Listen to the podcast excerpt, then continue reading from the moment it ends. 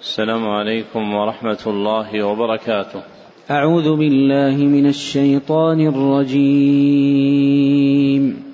عسى الله أن يجعل بينكم وبين الذين عاديتم منهم مودة والله قدير والله غفور رحيم. لا ينهاكم الله عن الذين لم يقاتلوكم في الدين ولم يخرجوكم من دياركم أن تبروهم أن تبروهم وتقسطوا إليهم. إن الله يحب المقسطين. إنما ينهاكم الله عن الذين قاتلوكم في الدين وأخرجوكم من دياركم وأخرجوكم من دياركم وظاهروا على إخراجكم أن تولوهم ومن يتولهم فأولئك هم الظالمون. الحمد لله الذي رضي لنا الإسلام دينا وبعث إلينا محمدا رسولا صادقا أمينا. نحمده حق الحمد ونسأله التوفيق للرشد ونصلي ونسلم على سيد المرسلين وإمام المتقين وخاتم النبيين وعلى آله وصحابته الأخيار المنتجبين وتابعيهم بالإحسان إلى يوم الدين. أما بعد فحدثنا الحسن بن عبد الهادي الحسني وهو أول حديث سمعته منه. قال حدثنا عبد الستار بن عبد الوهاب الدهلوي وهو أول حديث سمعته منه. قال حدثنا أحمد بن إبراهيم بن عيسى وهو أول حديث سمعته منه. قال حدثنا عبد الرحمن بن حسن بن محمد بن عبد الوهاب التميمي وهو أول حديث سمعته منه. قال حدثنا عبد الرحمن بن حسن الجبرتي وهو أول حديث سمعته منه. قال حدثنا محمد بن محمد الحسيني وهو أول حديث سمعته منه.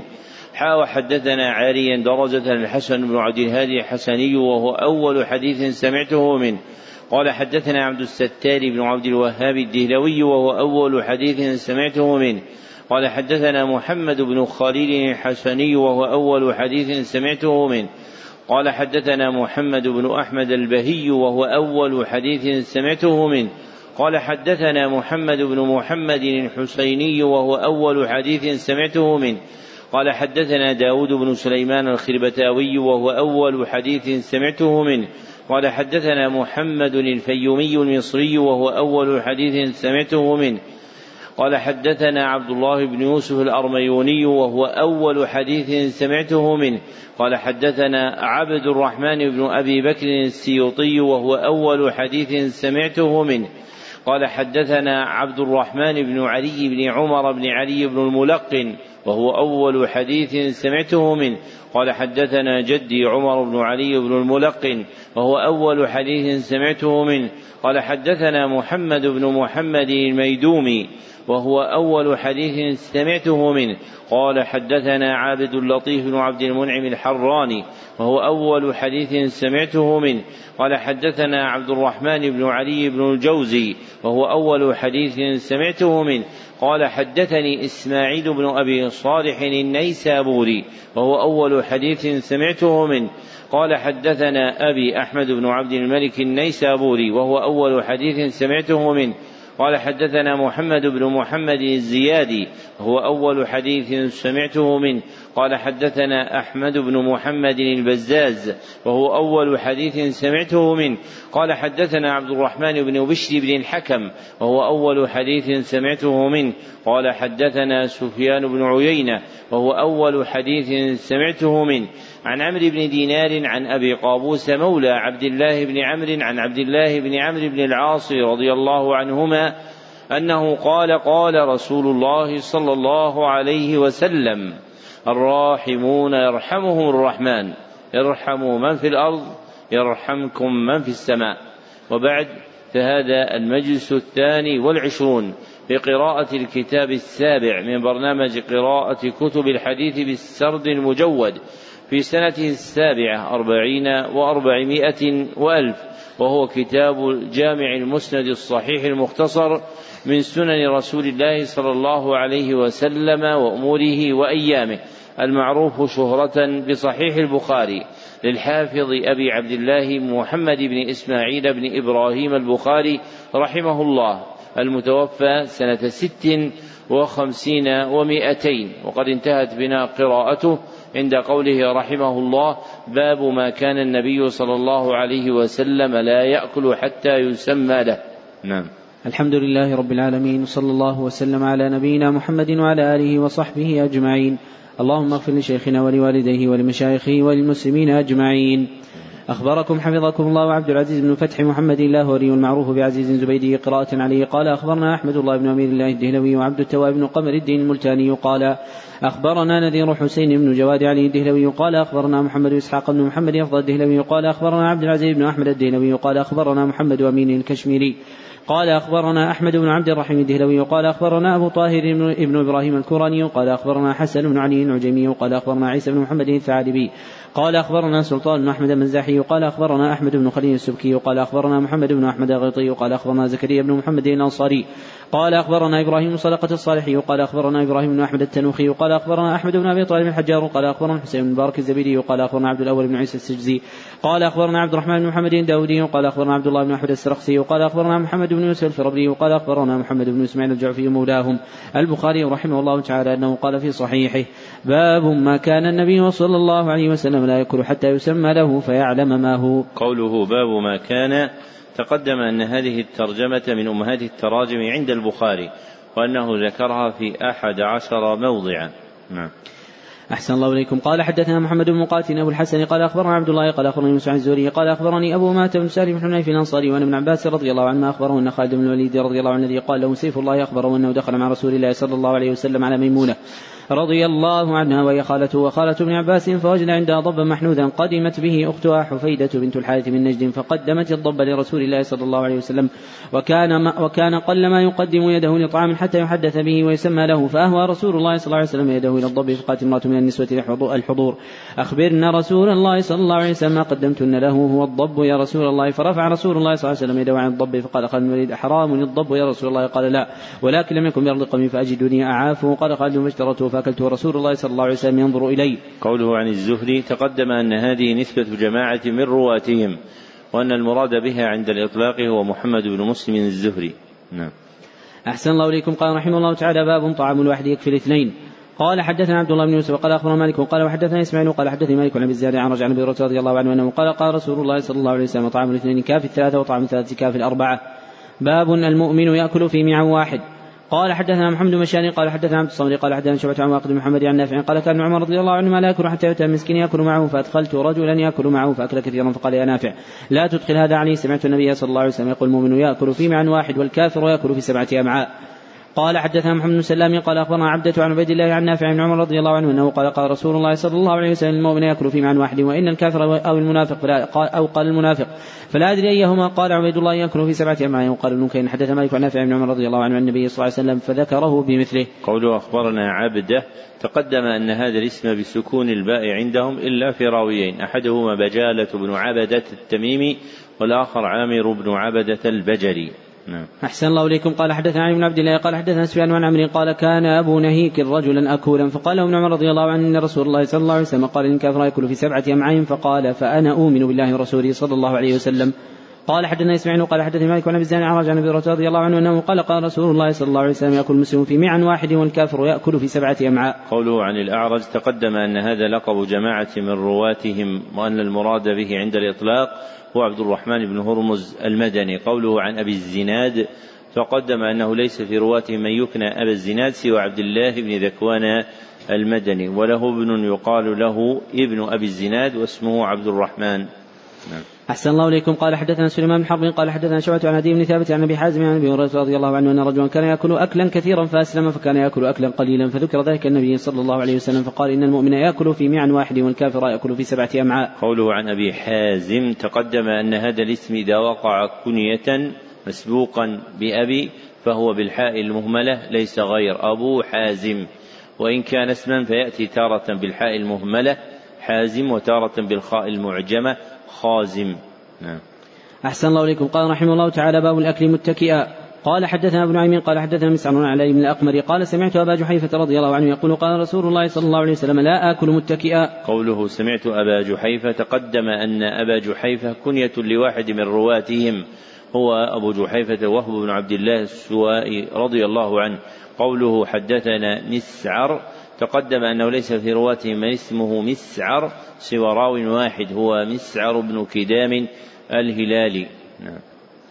أحسن الله إليكم. قال حدثنا قال حدثني عثمان بن أبي شيبة قال أخبرنا جرير عن منصور عن علي بن الأقمر عن أبي جحيفة رضي الله عنه أنه قال كنت عند النبي صلى الله عليه وسلم. قال رجل عنده لا آكل وأنا متكئ. باب الشواء وقول الله تعالى فجاء بعجل حنيذ أي مشوي. قال حدثنا علي بن عبد الله قال حدثنا هشام بن يوسف قال أخبرنا عمرو الزهري عن أبي أمامة بن سالم عن ابن عباس رضي الله عنه خادم الوليد رضي الله عنه أنه قال اتي النبي صلى الله عليه وسلم بضب مشوي فهو إلى ليأكل. فقيل له إنه ضب فامسك له فقال خالد أحرام وقال ولكنه لا يكون بأرض قوم فاجدني اعافه فأكل خالد ورسول الله صلى الله عليه وسلم ينظر قال مالك عن شاب بضب محنوذ. باب الخزيرة. قال نظر الخزيرة من النخالة والحذيرة من اللبن. قال حدثني أحمد كثير قال حدثني الليث عن عقل عن شاب قال أخبرني محمود بن ربيع الأنصاري عن عتبان مالك رضي الله عنه وكان من أصحاب النبي صلى الله عليه وسلم ممن شهد بدرا. من الأنصار انه اتى رسول الله صلى الله عليه وسلم وقال يا رسول الله إني أنكرت بصري وأنا أصلي في قومي وأنا أصلي لقومي فإذا كانت الامطار سال الوادي الذي بيني وبينهم لما أستطع أن آتي مسجدهم فأصلي لهم فوددت يا رسول الله إن أنك تأتي فتصلي في بيتي فاتخذه مصلى. فقال سافعل إن شاء الله.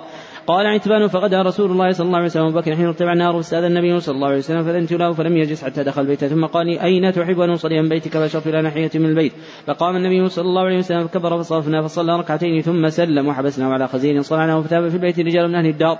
ذو عدد فاجتمعوا فقال قائل منهم أين مالك دخش؟ فقال بعضهم ذلك منافق لا يحب الله ورسوله صلى الله عليه وسلم. قال النبي صلى الله عليه وسلم لا تقل ألا تراه؟ قال لا إله إلا الله يريد بذلك وجه الله. قال الله ورسوله اعلم قال قلنا فإن نرى وجهه نصيحته وللمنافق فقال فإن الله حرم على النار من قال لا إله إلا الله يبتغي بذلك وجه الله. قال ابن شهاب ثم سألت حسين بن محمد الأنصاري أحد بني سالم وكان من سراته من حديث محمود فصدقه. قوله أن عتبان بن مالك تقدم أنه ليس في رواته من اسمه عتبان سوى هذا الصحابي وهو عتبان بن مالك الأنصاري. قوله عن ابن شهاب تقدم أن هذه كنية جماعة وهي عند الإطلاق لابن شهاب الزهري واسمه محمد بن مسلم. قوله عن عقيل تقدم أن هذا الاسم وقع مصغرا في رجلين من رواة الستة أحدهما في اسمه والآخر في اسم أبيه فالأول عقيل بن خالد بن عقيل الأيلي والآخر يحيى بن عقيل البصري. نعم.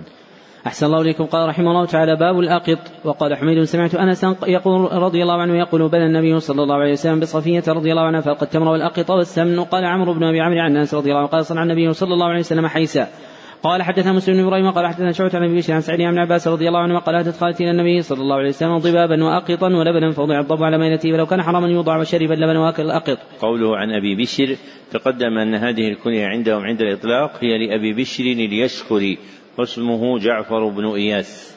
نعم. أحسن الله إليكم قال رحمه الله تعالى باب السلق والشعير قال حدثنا احمد كيرين قال حدثنا يعقوب بن عبد الرحمن عن أبي حازم عن سالم سعد رضي الله عنه أنه قال إن ان كنا لنفرح بيوم الجمعة كانت لنا عجوز تأخذ وصول السلق فتجعله في قدر الله فتجعل فيه حبات من شعر إذا صلينا زرنا قربته إلي فقربته إلينا وكنا نفرح بيوم الجمعة من أجل ذلك وما كنا نتغدى ولا نقيل إلا بعد الجمعة. والله ما فيه شحم ولا ولا ودك. باب النهس وانتشال اللحم. قوله رحمه الله باب النهس وانتشال النحم اللحم كلاهما اقتطاع للحم. كلاهما اقتطاع للحم. فالنهس أخذ رفيق. فالنهس أخذ رفيق. والانتشال نزع بشدة. والانتشال نزع بشدة. نعم. أحسن الله إليكم. قال حدثنا عبد الله بن عبد الوهاب قال حدثنا حماد قال حدثنا أيوب عن محمد بن عباس رضي الله عنه قال تعرق رسول الله صلى الله عليه وسلم كتفا قام فصلى ولم يتوضأ ثم قام فصلى ولم يتوضأ. وعن أيوب عن عاصم عن كلمة عن عباس رضي الله عنه قال انتشل النبي صلى الله عليه وسلم عرقا من قدر فأكل ثم صلى ولم يتوضأ. باب تعرق العضد. قوله رحمه الله باب تعرق العضد التعرق هو استقصاء اللحم من العظم. هو استقصاء اللحم من العظم بأن ينتزعه بأسنانه. نعم. أحسن الله إليكم. قال حدثني محمد بن ثناء قال حدثني عثمان بن عمر قال حدثنا فريح قال حدثنا أبو حازم المدني قال حدثنا عبد الله بن أبي قتادة عن النبي قال خرجنا مع النبي صلى الله عليه وسلم نحو مكة. قوله حدثنا فليح تقدم أنه ليس في رواة من اسمه فليح سوى فليح بن سليمان المدني. نعم. أحسن الله إليكم. قال حدثنا عبد العزيز بن عبد الله قال حدثنا محمد جعفر عن أبي حازم عبد الله بن أبي قتادة السلمي عن أبي رضي الله عنه أنه قال كنت يوما جالسا مع رجال من أصحاب النبي صلى الله عليه وسلم في منزل في طريق مكة ورسول الله صلى الله عليه وسلم نازل أمامنا والقوم محرمون وأنا غير محرم فأبصروا حمارا وحشيا وأنا مشغول أخصف نعلي فلم يؤذنوني فلم يؤذنوني له وأحب لو أني أبصرته فلم يؤذنوني له وأحب لو أني أبصرته فالتفت وأبصرته فقمت إلى الفرس فأسرجته ثم ركبت ونسيت السوط. ونسيت السوط والروح فقلت لهم ناولوا الصوت والروح فقالوا لا والله لا نعينك عليه بشيء فغضبت فنزلت فأخذتهما ثم ركبت فشددت عن الحمار فعقرته. ثم جئت به وقد مات فوقعوا فيه يأكلونه ثم إنهم شكوا في أكلهم إياه. وهم حرم فرحنا وخبأت العضد معي فأدركنا رسول الله صلى الله عليه وسلم سألناه عن ذلك فقال معكم منه شيء؟ فناولته العضد فأكلها حتى تعرقا وهو محرم. قال ابن جعفر وحدثني زيد بن أسلم عطاء بن يسار عن أبي رضي الله عنه ذكر مثله باب قطع اللحم بالسكين قال حدثنا اليماني قال أخبرنا شعيب بن الزني قال أخبرنا جعفر بن عمرو بن أمية ان أن أباه عمرو بن أمية أخبره أنه رأى النبي صلى الله عليه وسلم يحتز من كتف شاة في يده فدعي إلى الصلاة فألقاها والسكين التي يحتز بها ثم قام صلى ولم يتوضأ. قوله حدثنا أبو اليمان تقدم أن هذه الكنية عندهم عند الإطلاق هي لأبي اليمان الحمصي واسمه الحكم بن نافع. نعم. أحسن الله إليكم قال رحمه الله تعالى باب ما عاب النبي صلى الله عليه وسلم طعاما قال حدثنا محمد كثير قال أخبرنا سفيان وعن عمش عن أبي حازم عن أبي هريرة رضي الله عنه أنه قال ما عاب النبي صلى الله عليه وسلم طعاما قط اشتهاه اكله وإن كرهه تركه. قوله عن الأعمش تقدم أن هذا لقب راو من رواتهم يذكر به واسمه سليمان بن مهران الكاهلي. نعم. أحسن الله إليكم قال رحمه الله تعالى باب النفخ في الشعير قال حدثنا سعيد بن مريم قال حدثنا أبو غسان قال حدثني أبو حازم إنه سأل, أنه سأل سهلا هل رايتم في زمان النبي صلى الله عليه وسلم النقي؟ فقال لا فقلت كنتم تنخلون الشعير. قال لا ولكن كنا ننفخه. باب ما كان النبي صلى الله عليه وسلم وأصحابه يأكلون. قال حدثنا ابن عماني قال حدثنا أحمد بن زيد عن عباس الجريري عن عتبه النادي عن أبي هريرة رضي الله عنه أنه قال قسم النبي صلى الله عليه وسلم يوم بين أصحابه تمرا فأعطى كل إنسان سبع تمرات. فأعطاني سبع تمرات إحداهن حشفه فلم يكن فيها تمرة أعجب إلي منها شدت في مضاغي. قال حدثنا عبد الله بن محمد قال حدثنا ابن جرير قال حدثنا شعبة عن إسماعيل عن قيس عن سعد رضي الله عنه قال رايتني سابع سبعة مع النبي صلى الله عليه وسلم طعام إلا ورق الحبلة أو قال الحبلة حتى يضع أحدنا ما تضع الشاة ثم أصبحت ثم أصبحت بنو أسد تعزرني على الإسلام خسرت إذا وضل سعيد. قال حدثنا قتيبة بن سعيد قال حدثنا يعقوب عن أبي حازم قال سألت سالم سالم رضي الله عنه فقلت هل اكل رسول الله صلى الله عليه وسلم نقيا فقال سالم ما رأى رسول الله صلى الله عليه وسلم نقيا من حين ابتعثه الله حتى قبضه الله عز وجل؟ قال فقلت هل كانت لكم في عهد رسول الله صلى الله عليه وسلم مناخل؟ قال ما رأى رسول الله صلى الله عليه وسلم منخلا من حين ابتعثه الله عز وجل حتى قبضه؟ قال قلت كيف كنتم تأكلون الشعير غير المنخول؟ قال كنا. قال كنا نطحنه وننفخه فيطير ما طار وما بقي ثريناه فأكلناه. قوله حدثنا قتيبة تقدم أنه ليس في رواة الستة من اسمه قتيبة سوى راو واحد هو قتيبة بن سعيد الثقفي نعم. أحسن الله إليكم قال حدثني إسحاق بن إبراهيم قال أخبرنا روح بن عباد قال حدثنا أبي بن عن المقبول عن رضي الله عنه مر بقوم بين أيديهم شاة مصية فدعوه فأبوا فأبوا فدعوه فأبى أن يأكل قال خرج رسول الله صلى الله عليه وسلم من الدنيا ولم يشبع من خبز الشعير. قوله حدثنا ابن أبي ذئب تقدم أن هذه الكنية عندهم لراو واحد هو محمد بن عبد الرحمن ابن أبي ذئب القرشي. نعم. أحسن الله إليكم. قال حدثنا عبد الله بن أبي الأسود قال حدثنا معاذ قال حدثني أبي عن يوسف عن قتادة عن مالك رضي الله عنه قال ما أكل النبي صلى الله عليه وسلم على خوان ولا سكرجة ولا في سكرجة ولا خبز له مرقق. قلت لقتادة على ما يأكلون؟ قال على السفر. قال حدثنا قتيبة قال حدثنا جرير وعن منصور عن إبراهيم عن الأسود عن عائشة رضي الله عنها قالت ما شبع آل محمد صلى الله عليه وسلم منذ قدم المدينة من طعام الورث ثلاث ليال تباعا حتى قبض. باب التلبينة. قوله رحمه الله باب التلبينة. التلبينة حساء من دقيق أو نخالة. حساء من دقيق أو نخالة وهو الذي يسميه الناس الشوربة بلسانهم. نعم. أحسن الله إليكم. قال حدثني عن مكين قال حدثني ليث عن قال عن شاب عن عروة عن عائشة رضي الله عنها زوج النبي صلى الله عليه وسلم أنها كانت إذا مات الميت من أهلها فتبع ذلك النساء ثم تفرقن إلا أهلها وخاصة أمرة مربة من تلبينة فطبقت فطبخت ثم صنع ثريد فصبت التلبينة عليها ثم قالت كل منها. فإني سمعت رسول الله صلى الله عليه وسلم يقول التلبينة مجمة لفؤاد المريض تذهب ببعض الحزن. باب الثريد قوله رحمه الله باب الثريد الثريد طعام يصنع من تقطيع الخبز مخلوطا بلحم أو مرق. طعام يصنع من تخليط الخبز بلحم أو مرق. نعم. أحسن الله إليكم قال حدثنا محمد بشار قال حدثنا غندر قال حدثنا شعبة عن مرة الجملي عن مرة الهمداني عن موسى الأشعري رضي الله عنه النبي صلى الله عليه وسلم قال كمل من الرجال كثير كمل من الرجال كثير ولم يكن من النساء مريم بنت عمران وآسية امرأة امرأة فرعون وفضل عائشة على النساء كفضل الثريد على سائر الطعام. قوله حدثنا غندر تقدم أن هذا لقب راو واحد من رواتهم يذكر به واسمه محمد بن جعفر البصري. أحسن الله إليكم. قال حدثنا عمرو بن عون قال حدثنا خالد بن عبد الله عن أبي طوالة عن أنس رضي الله عنه عن النبي صلى الله عليه وسلم أنه قال فضل عائشة عن النساء كفضل الثريد على سائر الطعام. قال حدثنا عبد الله بن منير أنه سمع أبا حاتم الأشهل بن حاتم قال حدثنا عن ثمامة بن أنس عن رضي الله عنه قال دخلت مع النبي صلى الله عليه وسلم على غلام له خياط فقدمني قصعة فيها ثريد قال واقبل على عمله. فقال فجعل النبي صلى الله عليه وسلم يتتبع الدباء قال رجعت أتبعه فأضعه بين يديه قال فزدت بعد أحب أحب الدباء. قوله عن ثمامة بن أنس تقدم أنه ليس في رواة البخاري من اسمه ثمامة سوى هذا الراوي واسمه ثمامة ابن عبد الله ابن أنس ابن مالك وينسب إلى جده. نعم. أحسن الله إليكم. قال رحمه الله تعالى باب شاة مسموطة والكتف والجنب. قال حدثنا هدى بن خالد قال حدثنا أمام بن عن قتادة قال كنا نأتي أنس بن مالك رضي الله عنه وخبازه قائم. قال كلوا فما علم النبي صلى الله عليه وسلم رأى رغيفا مرققا حتى لاحق بالله عز وجل ولا رأى شاة سميطا بعينه قط. قال حدثنا محمد قاتل قال أخبرنا عبد الله قال أخبرنا معمر عن الزهري عن جعفر بن عمرو بن أمية الضمري عن أبيه قال رأيت رسول الله صلى الله عليه وسلم يحتز من كتف شاد ما أكل منها في الصلاة فقام طرح السكين فصلى ولم يتوضأ. باب ما كان السلف يدخرون في بيوتهم وأسفار من الطعام واللحم وغيره وقالت عائشه رضي الله عنها اسماء رضي الله عنها صلى على النبي صلى الله عليه وسلم وأبي بكر سفرة. قال حدثنا خلاد بن يحيى قال حدثنا سفيان عن عبد الرحمن بن عابس عن ابي قال قلت عائشة رضي الله عنها أنهى النبي صلى الله عليه وسلم أن تؤكل لحم الاضاحي فوق ثلاث. قالت ما فعله إلا في عام في عام جاع الناس فيه فراد أن يطعم الغني والفقير وإن كنا نرفع الكراع فنأكل بعد خمس عشرة. قيل ما اضطركم إليه فضحكت قالت ما شبع آل محمد صلى الله عليه وسلم من خبز بر مأدوم ثلاثة أيام حتى لحق بالله عز وجل. وقال كثير أخبرنا سفيان قال حدثنا عبد الرحمن بن عابس بهذا. قال حدثني عبد الله بن محمد قال حدثنا سفيان عن عمرو عن عن جابر رضي الله عنه قال كنا نزود لحوم الهدي على عهد النبي صلى الله عليه وسلم المدينة. تابع محمد عن عينة قال مجرد قلت عطاء قال حتى جئنا المدينة قال لا. باب الحيس. قوله رحمه الله باب الحيس. الحيس طعام يخلط فيه الأقط بالتمر والسمن. طعام يخلط فيه الأقط بالتمر والسمن. نعم. أحسن الله إليكم. قال حدثنا قتيبة قال حدثنا إسماعيل بن جعفر عن عمرو بن أبي عمرو مولى المطلب بن عبد الله بن حنطب أنه سمع أنس مالك رضي الله عنه يقول قال رسول الله صلى الله عليه وسلم طلحة التمس غلام من غلمانكم يخدمني فخرج بي أبو طلحة يردفني وراءه فكنت أخدم. رسول الله صلى الله عليه وسلم كلما نزل فكنت أسمعه يكثر أن يقول اللهم إني أعوذ بك من الهم والحزن والعجز والكسل والبخل والجبن وضاع الدين وغلبة الرجال فلم أخدمه حتى قلنا من خيبر وأقول صبية بنت وحي فقد حازها فكنت أراه يحوي وراءه بعباءة ومن كساء ثم يردف وراءه حتى إذا كنا بالصهباء صنع حيسا في نطع ثم أرسلني بدعوة الرجال فأكلوا. وكان ذلك بناءه بها ثم أقول بدأ له أحد قال هذا جبل يحبنا ونحبه فلما شرع المدينة قال اللهم إني أحرم ما بين جبليها مثل ما حرم به إبراهيم مكة. اللهم بارك لهم في مدهم وصاعهم. باب الأكل في إناء مفضض قال حدثنا أبو نعيم قال حدثنا سيف بن أبي سليمان قال سمعت مجاهد يقول حدثني عبد الرحمن بن ليلى أنه كان عند حذيفة رضي الله عنه استسقى.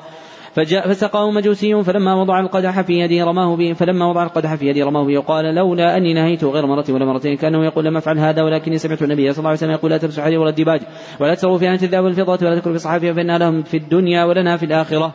باب ذكر الطعام. قوله باب ذكر تقدم أن هذه الترجمة من أمهات التراجم عند البخاري وأنه ذكرها في ثلاثين موضعا ووقع عنده في أربعة عشر موضعا قوله باب ما يذكر. ووقع في سبعة مواضع قوله باب ما ذكر. نعم. أحسن الله إليكم. قال حدثنا قتيبة قال حدثنا أبو عوانة عن قتادة عن رضي الله عنه موسى الأشعري رضي الله عنه قال قال رسول الله صلى الله عليه وسلم مثل المؤمن الذي يقرأ القرآن كمثل ترجت ريحها طيب وطعمها طيب ومثل المؤمن الذي لا يقرأ القرآن كمثل التمرة لا ريح لها وطعمها حلو ومثل المنافق الذي يقرأ القرآن مثل ريحان ريحها طيب وطعمها مر ومثل المنافق الذي لا يقرأ القرآن كمثل حنظلة ليس لها ريح وطعمها مر. قال حدثنا مسدد قال حدثنا خالد وقال حدثنا عبد الله بن عبد الرحمن رضي الله عن النبي صلى الله عليه وسلم أنه قال فضل عائشه على النساء كفضل الثريد على سائر الطعام قال حدثنا ابن عمي قال عبد الملك عن سفيان عن صالح بن رضي الله عن النبي صلى الله عليه وسلم قال سفر قطعة من عذاب يمنع أحدكم نومه وطعامه فإذا قضى نفته من وجهه فليعجل إلى أهله. قوله عن سمي تقدم أنه ليس في رواة البخاري من اسمه سمي سوى رجل واحد هو سمي مولى هو سمي المدني مولى أبي بكر بن عبد الرحمن بن الحارث. نعم. أحسن الله إليكم. قال رحمه الله تعالى باب الأدم قال حدثنا قتيبة بن سعيد قال حدثنا إسماعيل بن جعفر عن ربيعة أنه سمع القاسم بن محمد يقول كان في بريرة ثلاث سنن ارادت عائشة رضي الله عنها تشتريها فتعتقها فقال أهلها ولنا الولاء فذكر ذلك رسول الله صلى الله عليه وسلم فقالت له لو شئت شرطتيه لهم فإنما الولاء لمن اعتق قال واعتقت فخير. قال واعتقت فخيرت في أن تقر تحت زوجها أو تفارقه.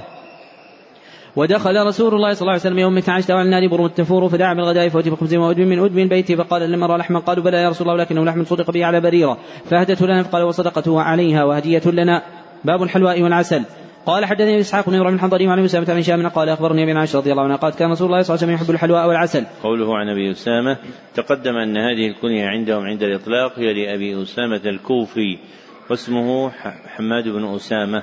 نعم. أحسن الله إليكم قال حدثنا عبد الرحمن بن شيبة قال أخبرنا أبي الفديك عن أبي عن المقبري عن أبي هريرة رضي الله عنه أنه قال كنت ألزم النبي صلى الله عليه وسلم شبع باطني حين لا آكل الخمير ولا ألبس الحرير ولا يخدمني فلان ولا فلانة وأنصق بطني بالحصواء واستقرئ الرجل الرجل الآية. وهي معي كي ينقلب به فيطعمني وخير الناس المساكين جعفر بن أبي طالب رضي الله عنه ينقلب بنا فيطعمنا ما كان ببيته حتى إن كان يخرج إلينا العكة.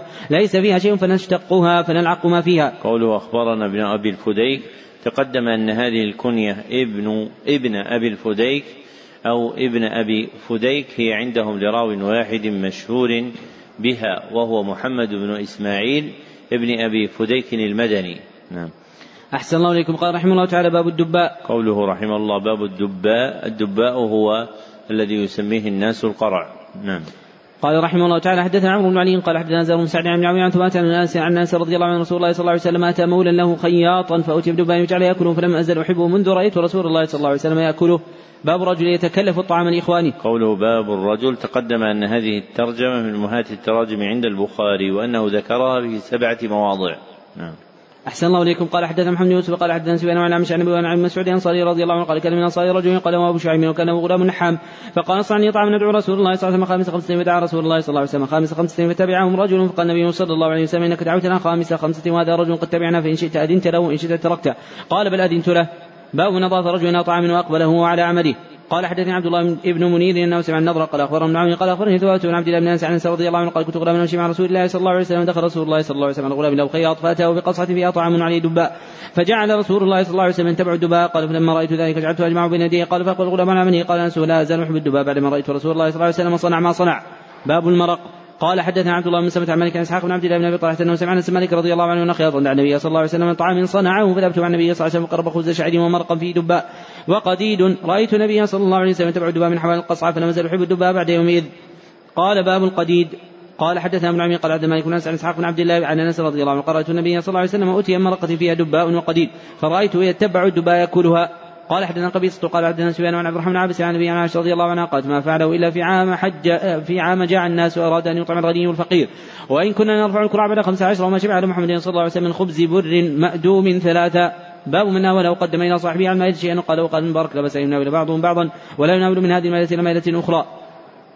قال حدثني إسماعيل قال حدثني مالك عن إسحاق بن عبد الله بن أبي طلحه انه سمع انس مالك رضي الله عنه يقول الخير دعا رسول الله صلى الله عليه وسلم طعام صنعه قال أنس رضي الله عنه فذهبت مع رسول الله صلى الله عليه وسلم ذلك الطعام فقرب إلى رسول الله صلى الله عليه وسلم خبزا من شعير ومرقا فيه دباء فيه دباء وقديد قال أنس رضي الله عنه فرأيت رسول الله صلى الله عليه وسلم يتبع الدباء من حول الصحفة فلم أزل احب الدباء من يومئذ. وقال ثم عن أنس رضي الله عنه فجعلت أجمع الدباء من بين يديه. باب الرطب بالقثاء. قال حدثنا عبد العزيز بن عبد الله قال حدثنا إبراهيم بن عن أبي عبد الله بن جعفر بن أبي طالب رضي الله عنه قرأت النبي صلى الله عليه وسلم يأكل الرطب بالقثاء. باب قال حدثنا مسلم قال حدثنا حماد بن زيد عن عباس بن جريري عن ابي عثمان قال ضيفت أبا هريرة رضي الله عنه سبعا فكان هو وامراته وخادمه يعتقبون الليل ثلاث ثلاثا يصلي هذا ثم يقض هذا. وسمعت يقول قسم رسول الله صلى الله عليه وسلم أصحابه تمرا فاصابني سبع تمرات إحداهن حشفا قال حدثنا محمد الصباح قال حدثنا إسماعيل بن زكريا عن عاصم بن أبي عثمان أبي رضي الله عنه قال قسم النبي صلى الله عليه وسلم تمرا فاصابني من خمس أربع تمرات وحشفة ثم رايت الحشفتين أشدهن ضرسي هي أشدهن لضرسي باب الرطب والتمر وقول الله تعالى وزيرك بجذع النخلة تساقط عليك رطبا جنيا. وقال محمد يوسف عن سفيان عن منصور بن صفية قال حدثت في أمي عن عائشة رضي الله عنها قد توفي رسول الله صلى الله عليه وسلم قد من الأسودين التمر والماء. قال حدثنا سعيد بن مريم قال حدثنا أبو غسان قال حدثنا أبو حازم عن إبراهيم بن عبد الرحمن بن عبد الله بن أبي ربيعة عن جابر بن عبد الله رضي الله عنه قال كان من مدينه يهودي وكان في تمر إلى الجداد وكانت لجابر الأرض التي بطريق رومه فجلست فجلست فخلع عاما فجاء فجاء اليهودي عند الجداد ولم ولم اجد منها شيئا فجعلت أستنظره إلى قبر فابى فأخبر ذلك النبي صلى الله عليه وسلم قال لاصحابه أمشوا. نستنظر لجبر من اليهودي فجاءوني في نخلي فجعل النبي صلى الله عليه وسلم يكلم اليهودي فيقول يا أبا القاسم لا أنظره فلما رأى النبي صلى الله عليه وسلم قال في النخل ثم جاءه فكلمه فأبى فقلت فجئت بقليل رطب فضعته بين يدي النبي صلى الله عليه وسلم فاكل ثم قال أين عريشك يا جابر؟ فأخبرته قال افرش لي فيه فرشته فدخل فرقد ثم استيقظ فجئت بقبضة أخرى فأكل منها ثم قام فكلم اليهودي فأبى عليه فقام في الرطاب في النخل الثانية ثم قال يا جابر جد الأرض فوقف في الجدار فجددت منها ما قضيت وفضل منه فخرجت حتى جئت النبي صلى الله عليه وسلم فبشرته وقال أشهد أني رسول الله صلى الله عليه وسلم. باب أكل الجمار. قوله رحمه الله باب أكل الجمار. الجمار هو شحم النخلة يكون في قلبها عادة. هو شحم النخلة يكون في قلبها نعم. أحسن الله إليكم. قال حدثنا عمرو بن حفص بن ياتي قال حدثنا أبي قال حدثنا عمش قال حدثني مجاهد عبد الله بن عمر رضي الله عنه قال بيننا نحن عند النبي صلى الله عليه وسلم جلوس يأتي بجمار نخلة فقال النبي صلى الله عليه وسلم شجر ما بركته كبركة المسلم ظننت أنه يعني النخلة. فأردت أن أقول هي النخلة يا رسول الله ثم التفت فإذا أنا عاشر عشرة أحدثه وسكت وقال النبي صلى الله عليه وسلم النخلة. باب العجوة. قال حدثنا جمعة بن عبد الله قال حدثنا مروان قال أخبرنا هاشم بن هاشم قال أخبرنا عمرو بن سعد عن ابي رضي الله عنه قال قال رسول الله صلى الله عليه وسلم صبح كل يوم سبع تمرات عجوة لم يضره في ذلك اليوم سم ولا سحر. باب القران في التمر. قال حدثنا آدم قال حدثنا شعبة قال حدثنا جبة بن سحيم قال أصابنا عام سالة مع ابن الزبير. رزقنا تمرا رزقنا تمرا فكان عبد الله بن عمر رضي الله عنه يمر بنا ونحن ناكل ويقول لا تقارنوا فإن النبي صلى الله عليه وسلم عن القران ثم يقول إلا إن استأذن الرجل أخاه. قال شعبة الإذن من قول ابن عمر.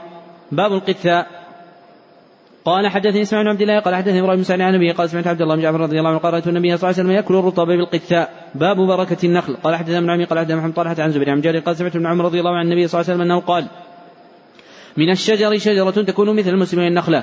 باب جمع اللونين قوله رحمه الله عن زبيد تقدم أنه ليس في رواتهم من اسمه زبيد سوى راو واحد هو زبيد بن الحارث اليامي. نعم.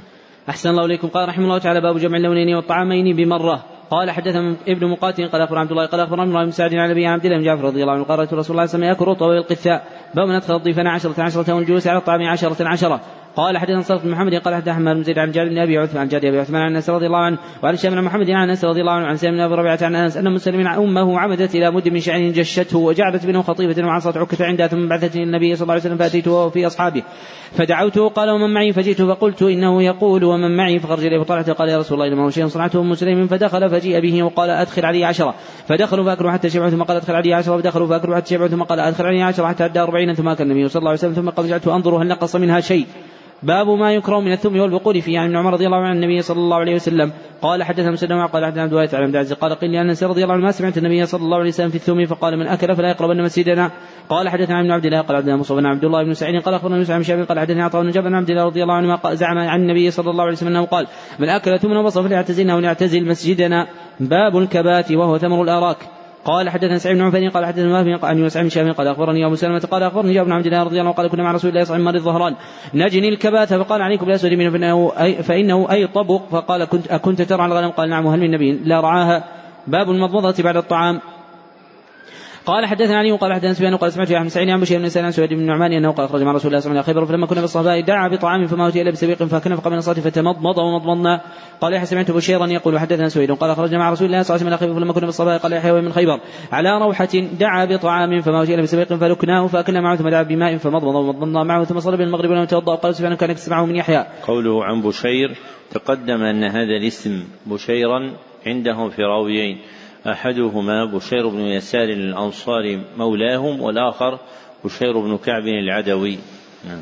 أحسن الله إليكم. قال رحمه الله تعالى باب لعق الأصابع ومصها قبل أن تمسح بالمنديل. قال حدثنا علي بن عبد الله قال حدثنا سفيان عن عمرو بن دينار عن ابن عباس رضي النبي صلى الله عليه وسلم قال إذا أكل أحدكم فلا يمسح يده حتى ينعقها أو ينعقها. قوله باب لعق الأصابع اللعق هو اللحس برفق. هو اللحس برفق. نعم. أحسن الله إليكم. قال رحمه الله تعالى باب المنديل. قال حدثني إبراهيم بن المدير قال حدثني محمد بن فريح قال حدثني أبي عن سعيد بن حارث عن جابر بن عبد الله رضي الله عنه أنه سأل عن وضوء من مسه النار فقال لا لا قد كنا زمان النبي صلى الله عليه وسلم نجد مثل ذلك من الطعام لا قليلا فإذا نحن وجدناه لم يكن لنا مناديل إلا كفنا وسواعدنا واقدامنا ثم نصلي ونتوضأ. باب ما يقول إذا فرغ من طعامه. قال حدثنا ابن عمي قال حدثنا سفيان عن ثور عن خالد بن معدان عن أبي امامه رضي الله عنه. النبي صلى الله عليه وسلم كان رفع مائدته وقال الحمد لله كثيرا طيبا مباركا فيه غير مكفي ولا مودع ولا مستغنى عنه ربنا. قال حدثنا أبو عاصم عن ثور بن يزيد عن خالد بن معدان عن ابي امامه رضي الله عنه النبي صلى الله عليه وسلم كان برغم طابع وقال مره اذا رفع مائدته وقال الحمد لله الذي كفانا وأروانا غير مكفي ولا مكفور. وقال مره الحمد لله ربنا غير مكفي ولا مودع ولا مستغنى ربنا باب الأكل مع الخادم.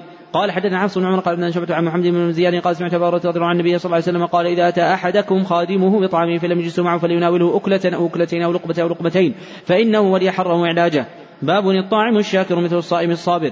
باب الرجل يدعى إلى طعام فيقول هذا معي وقال أنس رضي الله عنه إذا دخلت على مسلم لا يتهم فكل من طعامه واشرب من شرابه. قال حدثنا عبد الله بن أبي الأسود قال حدثنا مسلم قال حدثنا عمش قال حدثنا شقيق قال حدثنا مسعود الأنصاري رضي الله عنه قال كان رجل من الأنصار يكنى أبا شعيب. وكان له غلام لحام فأتى النبي صلى الله عليه وسلم فاصحابه فعرف الجوع في وجه النبي صلى الله عليه وسلم ذهب إلى غلام اللحام فقال اصنع لي طعاما يكفي خمسة لعلي أدعو النبي صلى الله عليه وسلم. خمس خمسة فصنع له طعيما. ثم أتاه فدعاه فتبعه رجل فقال النبي صلى الله عليه وسلم يا أبا شعيب إن رجلا تبعنا فإن شئت أذنت له وإن شئت تركته قال لا بل أذنت له. باب إذا حضر العشاء فلا يعجل عن عشائه قال حدثنا ابن قال أخبرنا شعب بن الزهري قال ليت حدثني يوسف بن شعب قال أخبرني جعفر بن عمرو بن اميه نبأ وعمرو بن اميه أخبره انه راى رسول الله صلى الله عليه وسلم يحتز من كتف شاة في يده. فدعا عن الصلاة فالقى والسكين التي كان يحتز بها. ثم قام صلى ولم يتوضأ. قال حدثنا معاذ بن اسير قال حدثنا بن ايوب عن أبي قلابه عن ابن مالك رضي الله عنه عن النبي صلى الله عليه وسلم قال وضع العشاء وقم الصلاة فابدأوا بالعشاء. وعن أبي نافع بن عمر رضي الله عنه النبي صلى الله عليه وسلم ذكر نحوه. وعن أبي نافع بن عمر رضي الله عنه تعشى مرة ويسمع قراءه الإمام. قوله عن أبي قلابة تقدم أن هذه الكنية عندهم لأبي قلابة الجرمي واسمه عبد الله بن زيد. نعم.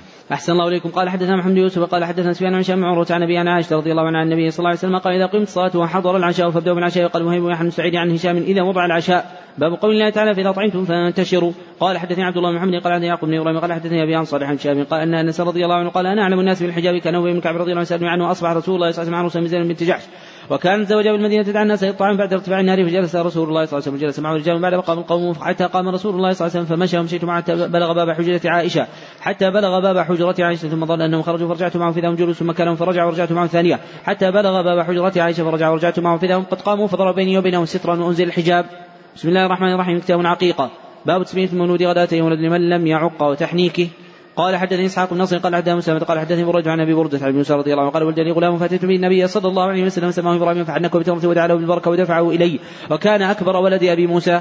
قال حدثنا مسلم قال عن يحيى بن شام عن عائشه رضي الله عنها قالت أتي النبي صلى الله عليه وسلم صبي يحنكه فبال عليه فأتبعه الماء. قال حدثني إسحاق بن نصر قال حدثنا مسلم قال حدثنا هشام بن عروة عن أبي أنس بن أبي بكر رضي الله عنه أنها حملت عبد الله بن زبير مكة. قالت فخرجت وأنا متم فاتيت المدينة فنزلت قباء فولدت في قباء ثم أتيت به رسول الله صلى الله عليه وسلم فوضعته في حجري ثم دعا بتمرة في مضغة ثم تفل في فيه. فكان أول شيء دخل جوفه فريق رسول الله صلى الله عليه وسلم. فكان أول شيء دخل جوفه ريق رسول الله صلى الله عليه وسلم ثم حنكه بتمر ثم دعا له فبرك عليه.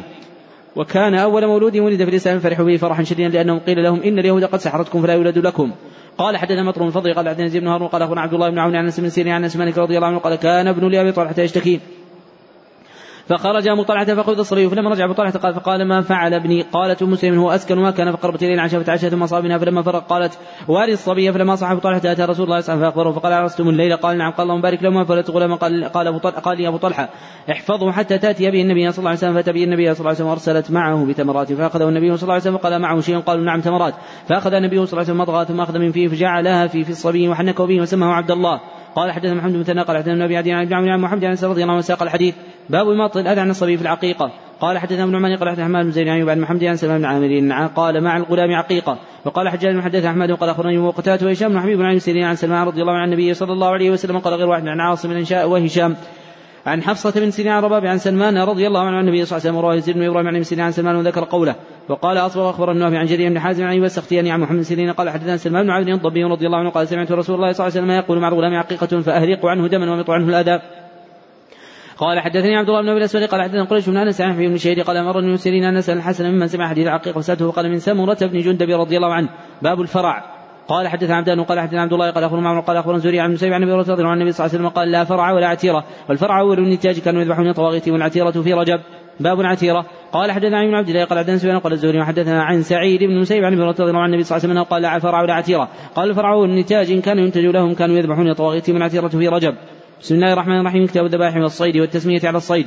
وقوله تعالى يا أيها الذين آمنوا ليبلونكم الله بشيء من الصيد إلى قوله عذاب أليم. وقوله جل ذكره وحدث لكم من امتنع من امتنع عليكم إلى قوله فلا تخشوا مخشون. وقال ابن عباس رضي الله عنه العقود العهود ما أحل وحرم إلا ما يتلى عليكم الخزير ويجرمنكم يحملنكم شنآن عداوة المنخنقة تخنق فتموت والمقوذة تضرب بالخشب يوقدها فتموت. والمتردية تتردى من الجبل والنطيحة تنطح الشاة. فما أدركته يتحرك بذنبه أو بعينه فاذبح وكل. قال حدثنا ابن عمي قال حدثنا زكريا عن عامر عن عدي بن حاتم رضي الله عنه قال سألت النبي صلى الله عليه وسلم عن صيد المعراض قال ما صاب احدهم فكل هو ما صاب عرضه فوقيده وسالته عن صيد الكلب فقال ما امسك عليه كل فإن أخذ الكلب فإن أخذ الكلب ذكاة وإن وجدت مع كلبك أو قال كلابك كلبا غيره. فخشيت أن يكون أخذه مع وقت قتله ولا تأكل فإنما ذكرت اسم الله على كلبك لم تذكره على غيره. باب صيد المعراض. وقال ابن عمر رضي الله عنهما في المقتولة بالبندقة.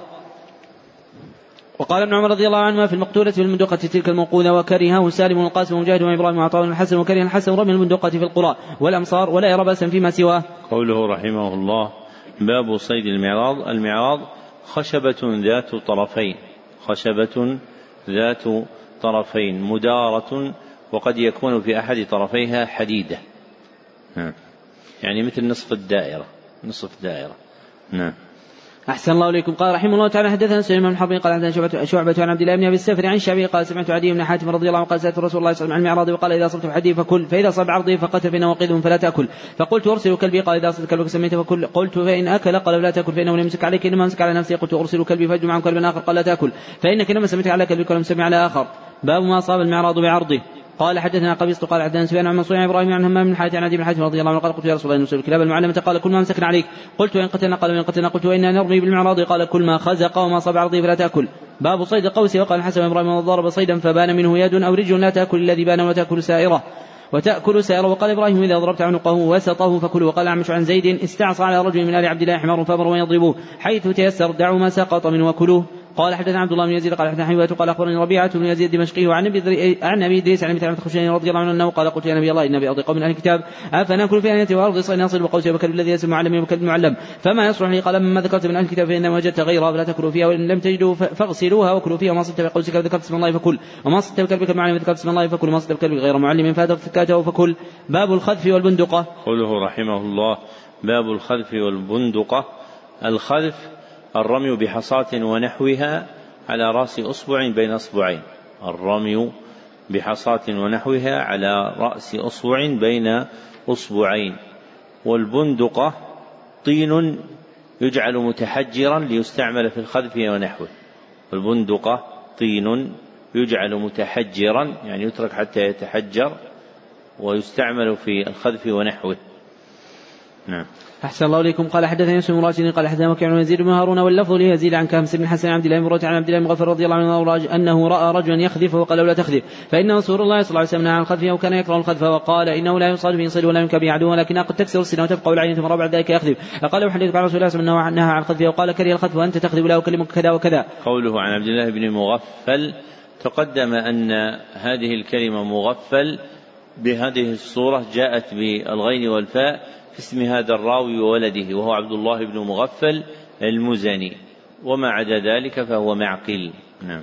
أحسن الله إليكم. قال رحمه الله تعالى باب من اقتنى كلب ليس بكلب صيد أو ماشية. قال حدثنا موسى بن إسماعيل قال حدثنا عبد العزيز بن مسلم قال حدثنا عبد الله بن دينار قال سمعت ابن عمر رضي الله عنه عن النبي صلى الله عليه وسلم أنه قال مقتنى كلب ليس بكلب ماشية أو ضارية نقص كل يوم من عمله قيراطان. قال حدثنا مكي بن إبراهيم قال أخبرنا حضرته النبي وسلم قال سمعت يقول سمعت عبد الله بن عمر رضي الله عنه يقول سمعت النبي صلى الله عليه وسلم يقول مقتنى كلب الا كلب ضار إلا كلب ضار لصيد أو كلب ماشية منه ينقص من أجل كل يوم قيراطان. قوله حدثنا المكي تقدم أنه ليس في رواتهم من اسمه المكي سوى راو واحد هو المكي بن إبراهيم التميمي. نعم. أحسن الله إليكم قال حدثنا عبد الله بن يوسف قال أخونا مالك عن عبد الله بن عمر رضي الله عنه أنه قال قال رسول الله صلى الله عليه وسلم اقتل كلبنا كالماشية أو ضار نقص من عمله كل يوم قيراطان باب ذاك الكلب وقوله تعالى يسألكم ماذا أحل قل أحل لكم الطيبات وما علمتم من الجوارح. مكلبين الصوائل والكواسب الصوائل والكواسب اجترحوا اكتسبوا. تعلمونهن مما علمكم الله فكلوا مما امسك عليكم. إلى قول يستوي الحساب ابن عباس رضي الله عنه الكلب وقد افسد وانما امسك على نفسه. والله يقول تعلمونهن مما علمكم الله فتضرب وتعلم حتى حتى فتضرب وتعلم حتى يترك. وكره ابن عمر رضي الله عنه قال أعطاني شرب الدم ولم يأكل فكل. قال حدثنا قتيبة بن قال حدثنا محمد بن فضيل عن بيان عن شعبي عن ابن حاتم رضي الله عنه قال سألت رسول الله صلى الله عليه وسلم قلت أنا قوم نصل بهذه الكلاب فقال إذا ارسلت كلابك المعلمة. وذكرت اسم الله فكل ما امسكنا عليكم وان قتلنا إلا أن يأكل الكلب فاني اخاف أن يكون إن مسكه على نفسه وإن خاطأ كلابه من غيرها فلا تأكل. باب الصيد إذا غاب عنه يومين أو ثلاثة. قال حدثنا موسى بن اسماعيل قال حدثنا ثابت بن يزيد قال حدثنا عاصم عن شعبي عن ابن حاتم رضي الله عن النبي صلى الله عليه وسلم قال إذا ارسلت كلبك سميته فأمسك وقتل فكل ان ولا تاكل فان امسك على نفسه وإذا خاط كلابا لم يذكر اسم الله عز وجل عليها فامسكنا وقتلنا فلا تأكل فانك لا تدري أيها قتل. ويرى من تصيد وجدته بعد يوم أو يومين ليس به إلا اثر سمك فكل وإن وقع في الماء فلا تأكل. وقال عبد الأعلى عن داود عن عامر عن رضي الله عنه أنه قال للنبي صلى الله عليه وسلم يرمي الصيد فيقتفر يرمي الصيد فيقتفر أثره اليومين وثلاث ثم يجد ميتا في سهم قال يأكل إن شاء. باب إذا وجد مع الصيد كلب آخر. قال حدثنا آدم قال حدثنا شعبة عن عبد الله بن ابي سفر عن شعبي عن ابي بن حاتم رضي الله عنه قال قلت يا رسول الله اني ارسل كلبي واسميه فقال النبي صلى الله عليه وسلم إذا ارسلت كلبه سميته فأخذ فقتل فأكل فلا تأكل فانما مسك على نفسي قلت إني ارسل كلبي أجد معه كلب آخر.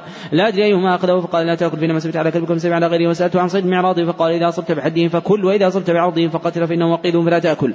باب ما جاء في التصيد. باب ما جاء في التصيد. تقدم أن هذه الترجمة باب ما جاء من أمهات التراجم عند البخاري وأنه ذكرها في سبعة وأربعين موضعا. والتصيد طلب الصيد. نعم. أحسن الله إليكم. قال حدثني محمد قال أخبرني ابن فضيل عن بيان عن عامر عن بن حاتم رضي الله عنه قال سألت رسول الله صلى الله عليه وسلم قلت إن قوم نتصيد بهذه الكلاب بهذه الكلاب فقال إذا أرسلت كلابك المعلومة وذكرت اسم أو ذكرت اسم الله فكل مما مسكنا عليك. إلا أن يأكل الكلب لا تأكل فإني أخاف أن يكون مسك على نفسه وإن خاطأ كلب من غيرها فلا تأكل. قال حدثنا معاص بن حيوة قال وحدثني أحمد بن رجاء قال حدثنا سلمة بن سليمان عن مبارك عن حيوة بن شريح قال سمعت ربيعة بن يزيد الدمشقي قال أخبرني أبو إدريس عائد الله. قال سمعت أبا ثعلبة الخشني رضي الله عنه يقول أتيت رسول الله صلى الله عليه وسلم قلت يا رسول الله بارض قوم أهل الكتاب أهل الكتاب. نأكل في انيتهم وأرض صيد أصيد بقوسي واصل بكلم المعلم والذي ليس معلما فاخبرني ما الذي يحل لنا من ذلك. فقال أما ذكرت أنك بأرض قوم أهل الكتاب تأكل في انيتهم فان وجدتم غير انيتي فلا تأكلوا فيها ولم تجدوا فأغسلوها ثم كلوا فيها. وأما ما ذكرت أنك بأرض صيد فما صدت بقوسك فاذكر اسم الله ثم كل وما صدت بكلمك المعلم فاذكر اسم الله ثم كل وما صدت الذي ليس معلما فأدركت زكاته فكل. قال حدثنا مسدد قال حدثنا يحيى عن شعبة قال حدثني هشام بن زيد. عن أنس مالك رضي الله عنه قال انفجنا رب من الظهران فسعوا عليها حتى لغبوا وسعت عليها حتى أخذتها فجئت بها إلى أبي طلحة رضي الله عنه فبعث النبي صلى الله عليه وسلم بوريكها وفخذيها فقبله. قال حدثني إسماعيل قال حدثني مالك عن أبي النضر مولى عمر بن عبد الله عن نافع مولى أبي قتادة عن أبي قتادة رضي الله عنه كان مع رسول الله صلى الله عليه وسلم حتى كان بعض طريق مكة. تخلف مع اصحابنا ومحرمين وغير محرم فراح احمر وحشيا استوى على فرس ثم صار أصحابه يناولون سوطا فابوا فسألهم رمحة فابوا فأخذه ثم شد عن المحرم فقتل على الحمار فقتله فأكل منه بعض أصحاب رسول الله صلى الله عليه وسلم بعضهم فلما أدركوا رسول الله صلى الله عليه وسلم سألوا عن ذلك فقال إنما هي طعمة اطعمكمها الله قال حدثني إسماعيل قال حدثني مالك عن زيد بن اسماعيل عن بن سعد رضي الله عنه ذكر مثله لأنه قال هل معكم من لحمه شيء؟ باب التصيد عن الجبال. قال حدثنا أحمد سليمان قال حدثني ابن قال أخبرنا عمرو أن بن نضر حدثه عن نافع مولى أبي عن أبي صالح مولى التوأمة أنه قال سمعت أبا قتادة رضي الله عنه قال كنت مع النبي صلى الله عليه وسلم بين مكة والمدينة ومحرمون ورجل حل على فرس وكنت لقانا عن الجبال فبناء على ذلك رأيت الناس متشوفين شيئا فذهبت أنظر فإذا هو أحمر وحش فقلت لهم ماذا قال نادي قلت هو أحمر وحشي. فقل فقالوا هو ما رأيت وكنت نسيت سوطي فقلت لهم ناولون سوطي قال لا نعينك عليه. فنزلت فأخذته ثم ضربت في أثري فلم يكن إلا ذاك حتى عقرته فأتيت إليهم فقلت لهم قوموا فاحتملوا فاحتملوا. قالوا لا نمسه فحملته حتى جئتهم به. فأبى بعضهم وأكل بعضهم فقلت أنا أستلقب لكم النبي صلى الله عليه وسلم. فأدركته فحدثته الحديث فقال لي أبقي معكم شيء منه؟ قلت نعم. فقال كلوا فهو طعم أطعمكموها الله. باب قول الله تعالى أحل لكم صيد البحر. وقال عمر رضي الله عنه صيده ما اصطيد وطعامه ما رمى به. وقال أبو بكر الطافي حلال وقال ابن عباس رضي الله عنه ميتته إلا ما قدرت منها. والجدي والجدي والجدي لا تأكله اليهود ونحن نأكله. وقال شريح بن صاحب النبي صلى الله عليه وسلم كل شيء في البحر مذبوح. وقال عطاء أما الطير فران يذبحه. وقال ابن جريج قلت لعطاء صيد الأنهار وقلات السين. صيد بحر هو؟ قال نعم. ثم تلا هذا عذبه فراته وهذا من حنجاج ومن كل تاكل لحما طريا وركب الحسن عن سام رضي عنه على سرج من جلود كلاب الماء وقال الشعبي لو أن أهلي ياكلوا الضفادع لأطعمتهم ولم يرى الحسن بالسلحفات باسا وقال ابن عباس رضي الله عنهما كل من صيد البحر نصرانيا ويهوديا ومجوسيا وقال أبو الدرداء في الموري ذبح. وقال أبو الدرداء وقال أبو الدرداء في الموري ذبح الخمر النينان والشمس قال حدثنا مسدد قال حدثنا يحيى عن جرج قال أخبرني عمرو بن سمع جابر رضي الله عنه يقول غزونا جيش الخبط وامر ابو عبيده فجعنا جوعا شديدا فألقى البحر حوتا ميتا لم يرى مثله يقال له العنبر فأكل من نصف شهر فأخذ أبو عبيدة عظم من عظامه فمر الراكب تحته. قوله عن ابن جريج تقدم أن هذه الكنية عندهم هي عند الإطلاق لابن جريج المكي واسمه عبد الملك بن عبد العزيز. نعم. أحسن الله إليكم. قال رحمه الله تعالى حدث عبد الله بن محمد قال أخبرنا سفيان عن عمرو قال سمع جابر رضي الله عنه يقول بعث النبي صلى الله عليه وسلم 300 راكب وأمر أبو عبيدة نرصد عيرا لقريش فأصابنا جوع شديد حتى أكلنا الخبط فسمي جيش الخبط وألقى البحر حوتا يقال له عنبر فأكلنا نصف شهر ودهنا بودكيه حتى صلحت أجسامنا قال فأخذ فأخذ أبو عبيدة ضلع من الضعيف فنصبه الراكب تحته وكان فينا رجل فلما اشتد الجوع نحر ثلاث جزائر ثم ثلاث جزائر ثم أبو عبيدة. باب أكل الجراد قوله باب أكل تقدم أن هذه الترجمة من أمهات التراجم عند البخاري. ذكرها بهذا اللفظ في خمسة مواضع وذكرها بلفظ باب الأكل في ستة مواضع. نعم. أحسن الله إليكم. قال حدثنا أبو الوليد قال حدثنا شعبة عن أبي عفوني قال سمعت النبي أوفى رضي الله عنه وقال غزونا مع النبي صلى الله عليه وسلم سبع غزوات أو قال ستا كنا نأكل نأكل معه الجراد. قال سفيان وأبو عوانة وإسرائيل عن أبي عن أبي عفون عن النبي أوفى. قال سبع غزوات. قوله حدثنا أبو الوليد تقدم أن هذه الكنية عندهم عند الإطلاق هي لأبي الوليد الطيالسي واسمه هشام بن عبد الملك. أحسن الله إليكم قال رحمه الله تعالى باب آنية المجوس والميتة قال حدثنا ابو عاصم بن حميد بن شريح قال حدثنا ربيعة بن زيد الدمشقي قال حدثني أبو إدريس الخولاني وقال حدثني متعبة الخشني رضي الله عنه قال النبي صلى الله عليه وسلم قلت يا رسول الله إن بأرض أهل الكتاب فنأكل في انته وبأرض صيد اصيد بقوسي واصل كلب المعلم وبكلب الذي ليس بمعلم. قال النبي صلى الله عليه وسلم أما ذكرت أنك بأرض أهل الكتاب أهل الكتاب فلا تأكلوا في آنيتهم إلا أن إلا تجدوا بدا. فإن لم تجدوا بدا فاغسلوا وكلوا وأما ما ذكرت أنك بأرض صيد فما صدت بقوسك فاذكر اسم الله وكل ما صدت وبكلبك المعلم فاذكر اسم الله وكل ما وما صدت فاذكر اسم الله وكل وما صدت بكلبك الذي ليس بمعلم فادرك زكاته فكل. قال حدث مكي بن إبراهيم قال حدثني يزيد بن أبي عبيد عن سيدنا أكبر رضي الله عنه قال لما أمسوا فت يوم فتحوا خيبر أوقدوا النيران قال النبي صلى الله عليه وسلم على ما أوقدتم هذه النيران قالوا لحوم الحمر الإنسية قال أهريقوها اهريقوا ما فيها واكسروها واكسروا قدورها. فقام رجل من القوم فقال نهريق ما فيها ونغسلها. فقال النبي صلى الله عليه وسلم أو ذاك؟ باب تسمية على ذبيحة من ترك متعمدا قال ابن عباس رضي الله عنه ولا بأس قال الله تعالى ولا تأكلوا من ذكر اسم الله عليه وإنه لفسق والناس لا يسمى فاسقا وقوله وان الشيطان يوحون إلى أولياء يجادلكم ان أطعتموهم إنكم لمشركون. قال حدثني موسى بن إسماعيل قال حدثنا أبو عوانة عن سعد مسروق عن عبادة بن رفاعة عن رافع عن جده رافع بن خديجة رضي الله عنه قال كنا مع النبي صلى الله عليه وسلم ذبح حليفة أصاب الناس جوع فاصبنا إبلا وغنما وكان النبي صلى الله عليه وسلم في قراءة الناس فعجبوا فنصب القدور فدفع عليهم النبي صلى الله عليه وسلم فأمر بالقدور فاكفئت ثم قسم بعد عشرة وغد بعيد فلد بنا بعير وكلف قوم خير يسيرة فطلبوا فعيهم فاوى اليه رجل بسبب فحبسه الله. قال النبي صلى الله عليه وسلم إن, إن لهذه البهائم أوابد كوابد الوحش ندى عليكم فاصنعوا بها كذا. قال وقال جدي إننا نرجو أو نخاف أن نلقى العدو غدا معنا مدان أفنذبح بالقصب؟ فقال من هر الدم وذكر اسم الله عز وجل عليه فكل ليس السن والظفر وسأخبركم عنه أما السن فعظم وأما الظفر فمد الحبشة. قوله عن عباية تقدم أنه ليس في رواة ستة من اسمه عباية سوى راو واحد هو عباية بن رفاعة الأنصاري. نعم. أحسن الله إليكم. قال رحمه الله تعالى باب ما ذبح للنصب الأصنام؟ قال حدثنا عبد بن أسد قال حدثنا عبد العزيز بن يعني بن المختار قال أخبرنا مسلم قال أخبرني سالم بن عبد الله رضي الله عنه حديث رسول الله صلى الله عليه وسلم بن عبد النفيل بأسفل بلدح وذاك قبل أن ينزل على رسول الله صلى الله عليه وسلم الوحي فقدمني رسول الله صلى الله عليه وسلم سفرة فيها لحم فابني يكون منها ثم قال إني لا أكل ما تذبحون على أصنامكم لا أكل إلا مما ذكر اسم الله عز وجل عليه. باب قول النبي صلى الله عليه وسلم فليذبح على اسم الله. قال حدثنا قتيبة قال حدثنا أبو عوانة عن أسود بن قيس عن جدة بن سفيان البجلي رضي الله عنه. قال ضحينا مع رسول الله صلى الله عليه وسلم ضحية ذات يوم وضحية ذات يوم فإذا الناس قد ذبحوا ضحاياهم قبل الصلاة فلما صرف رآهم النبي صلى الله عليه وسلم قد ذبحوا قبل الصلاة فقال من ذبح قبل الصلاة فليذبح مكانها أخرى ومن كان لم يذبح حتى صلينا فليذبح على اسم الله. قال باب ما أنهر الدم من القصب والمروة الحديد قوله باب ما أنهر الدم أي أجراه من القصب القصب عصي طويلة تؤخذ من بعض الأشجار. والمروة حجر أبيض. نعم. أحسن الله إليكم. قال حدثنا محمد بن أبي بكر قال حدثنا معتمر عن عبيد الله عن نافع أنه سمع ابن كعب بن مالك يخبر ابن عمر رضي الله عنه أباه أخبره جرية لهم ترعى غنم سلع فأبصرت بشاة من غنمها موتا فكسرت حجرا فذبحتها فقال لأهلي لا تأكلوا حتى أتي النبي صلى الله عليه وسلم فاسأله أو قال حتى أرسل إليه من يسأله. فأتى النبي صلى الله عليه وسلم وقال بعث لي فأمر النبي صلى الله عليه وسلم بأكلها. قال حدثنا موسى قال عن جبيرة عن نافع عن رجل من بني سلمة قال أنا وأخبر عبد الله من أن جارية لكعب بن مالك ترعى غنم له بالجويد الذي مسوق بسلع فأصيبت شاة فكسرت حجرا فذبحتها فذكروا للنبي صلى الله عليه وسلم فأمرهم بأكلها. قال حدثنا عبدان وقال أخبرني أبي عن شعبة عن سعيد مسروق عن بيت رافع عن جده رضي الله عنه قال يا رسول الله ليس لنا مدن فقال من نهر الدم وذكر اسم الله عز وجل عليه فكل ليس الظفر والسن. أما الظفر فمد الحبش وأما السن فعظم ولد بعير فحبسه وقال هذه الإبل أوابد كوابد الوحش فما غربكم منها فاصنعوا هكذا. باب ذبيحة المرأة والأمة. قال حدثنا صدقة قال أخبرنا عبدة عن عبيد الله عن نافع عن ابن لكعب بن مالك عن نبي أن امرأة ذبحت شاة من حجر فسئل النبي صلى الله عليه وسلم عن ذلك فأمره يكليها وقال فحدثنا عن الناس مع رجل من أنصار يخبر عبد الله عن النبي صلى الله عليه وسلم جارية لكعب فحدث بهذا. قال حدثنا إسماعيل قال حدثني مالك عن نافع عن رجل من أنصار عن معاذ بن سعد أو سعد قال سعد بن معاذ أن أخبره أن جارية لكعب مالك كانت ترعى غنم من سبع فأصيبت شاة منها فأدركتها فذبحتها بحجر فسئل النبي صلى الله عليه وسلم فقال كلوها باب لا يذكى بالسن والعظم والظفر. قال حدثنا قبيصة قال حدثنا سفيان عن أبي عن بن رفاعة عن رافع بن خديجة رضي الله عنه قال قدم صلى الله كل ما يعني ما انهر الدم إلا السن والظفر. باب ذبيحة أعرابي ونحوهم. قال حدثنا محمد بن عبيد الله قال حدثنا سامة بن حفص المدني وعن شام عروة عن أبي عائشة رضي الله عنه أن قوم قال النبي صلى الله عليه وسلم إن قوم يأتون باللحم. لا ندري يذكر اسم الله عليه أم لا. فقال وسموا عليه أنتم مكروه قالت كانوا حديث عهد بالكفر تبعوا لي وعند ردي وتبعوا أبو خالد والطفاوي. باب ذبائح الكتاب شحوم من الحرب وغير من قوله تعالى اليوم أحل لكم الطيبات وطعام الذين أوتوا الكتاب حل لكم وطعامكم حل لهم. وقال الزهري لا بأس بذبيحة نصاري نصاري العرب وإن سمعته لا, لا بأس بذبيحة نصاري العرب وإن سمعته يسمي لغير الله فلا تأكل وإن لم تسمعه فقد أحله الله عز وجل. وعلم كفرهم ويذكر عن علي رضي الله عنه نحوه. قال حسن إبراهيم لا بأس بذبيحة الأقلف. قال حدثنا أبو الوليد قال حدثنا شعبة عن حميد بن هلال عن عبد الله رضي الله عنه قال كنا محصنين قصر خيبر فرمى إنسان بجراب فيه شحم فنزلت آخذه فالتفت بين النبي صلى الله عليه وسلم فاستحيت منه وقال ابن عباس رضي الله طعامهم ذبائحهم. باب من أدى من البهائم فهو منزله الوحش وأجازه ابن مسعود رضي الله عنه وقال ابن عباس رضي الله عنه عزيزك من البهائم مما في يديك فهو كالصيد وفي بعير تردى في بئر من حيث قدرت عليه. فذكه وراد ذلك علي وابن عمر وعائشة رضي الله عنهم. قوله باب ما ند من البهائم أي ما فر منها هاربا أي ما فر منها هاربا. والوحش هو ما ليس أهليا مستأنسا والوحش ما ليس أهليا مستأنسا. نعم.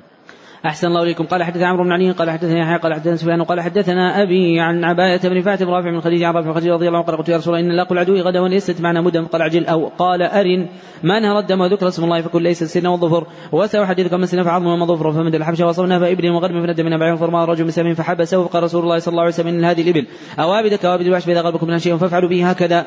باب النحر والذبح. وقال ابن رجل عطاء لا ذبح ولا منحر إلا في المذبح والمنحر. قلت أيجري ما يذبح وأنحره؟ قال نعم ذكر الله عز وجل ذكر الله عز وجل ذبح البقرة. فإن ذبحت شيئا ينحر جاز والنحر أحب إلي والذبح قطع الأوداج. قلت فيخلف الأوداج حتى يقطع النخاع. قال لا إخال وأخبرنا نافع بن عمر رضي الله عنه عن النخع. يقول يقطع ما دون العظم ثم يدعو حتى تموت. قول الله تعالى وإذ قال موسى لقومه إن الله يأمركم تذبحوا بقرة قال وقال فذبحوها وما كادوا يفعلون. وقال سعيد بن عباس رضي الله عنه في الحق واللبة. وقال عمر بن عباس رضي الله عنه إذا قطع الرأس فلا بأس. قال حدثنا خالد بن يحيى قال حدثنا سفيان وعن هشام بن عروة قال اخبرتني فاطمة بنت المنذر رضي الله عن امرأتي عن أسماء بنت أبي بكر رضي الله عنهما أنها قالت نحرنا على النبي صلى الله عليه وسلم فرسا فاكلناه. قال حدثنا إسحاق وأنه سمع عبدة عن هشام عن فاطمة عن اسماء رضي الله عنهما قالت؟ ذبحنا على هدي رسول الله صلى الله عليه وسلم ونحن المدينة فاكلناه. قال حدثنا قتيبة قال حدثنا جرير عن هشام عن فاطمة بنت المدير عن أسماء بنت أبي بكر رضي الله عنها قالت نحرنا على هدي رسول الله صلى الله عليه وسلم فرسا فاكلنا تبعه وكما بن عينة عن هشام في النحر. باب ما يكره من المثلة والمصبورة والمجثمة. قوله باب ما يكره من المثلة والمصبورة والمجثمة. المصبورة والمجثمة كلاهما مقيدة. كلاهما مقيدة أي مربوطة, مربوطة بالقياد. إلا أن المجثمة تكون مركونة إلى الأرض. إلا أن المجثمة تكون مركونة إلى الأرض أي مربوطة إليها. وأما المصبورة فتكون موقوفة أي مقيدة ولو بدون إلقائها بلا الأرض. نعم. أحسن الله إليكم. قال حدثنا قال حدثنا أبو الوليد قال حدثنا شعبة عن هشام بن زين قال دخلت عن رضي الله عنه الحكم نيو فراغ المال أو قال فتيان النصر والدجاجة يرمونها فقال أنس رضي الله عنه النبي صلى الله عليه وسلم أن تصبر البهائم. قال حدثنا أحمد بن يعقوب قال اخونا إسحاق بن سعيد بن عمرو عن ابي أنه سمع يحدث عن ابن عمر رضي الله عنه دخل عليه بن سعيد وغلام من بني يحيى. يعني الدجاجة إذا عمد إلى ساق شجرة وربطت عليها الدجاجة هذه تصير إيش؟ مصبورة. وإذا أخذت مثلا الشاة وقيدت أرجلها وأقدامها وأيديها وألقيت على الأرض تسمى مجثمة نعم. أحسن الله إليكم. قال حدثنا أحمد بن يعقوب قال أخبرنا إسحاق بن سعيد بن عمرو عن أبي أنه سمع من حديث عمر رضي الله عنه دخل عليه أحمد سعيد وغلام بني رابط دجاجة يرويها فمشى إليها ابن عمر رضي الله عنه حتى حلها ثم أقبل بها وبالغلام معه فقال زوروا غلامكم عن أن يصبر هذا الطير عن أن يصبر هذا الطير للقتل فإني سمعت النبي صلى الله عليه وسلم أن تصبر بهيمة وغيرها للقتل. قال حدثنا ابن عمر قال حدثنا معاذ عن أبي عن سعيد جبير قال كنت عند عمر رضي الله عنه فمروا في فتنة وقال بنفر نصبوا جهه يرمون فلما راى ابن عمر رأوا ابن عمر رضي الله عنه تفرقوا عنها. وقال ابن عمر رضي الله عنه من فعل هذا النبي صلى الله عليه وسلم لعن من فعل هذا تبعه سليمان عن شعبة.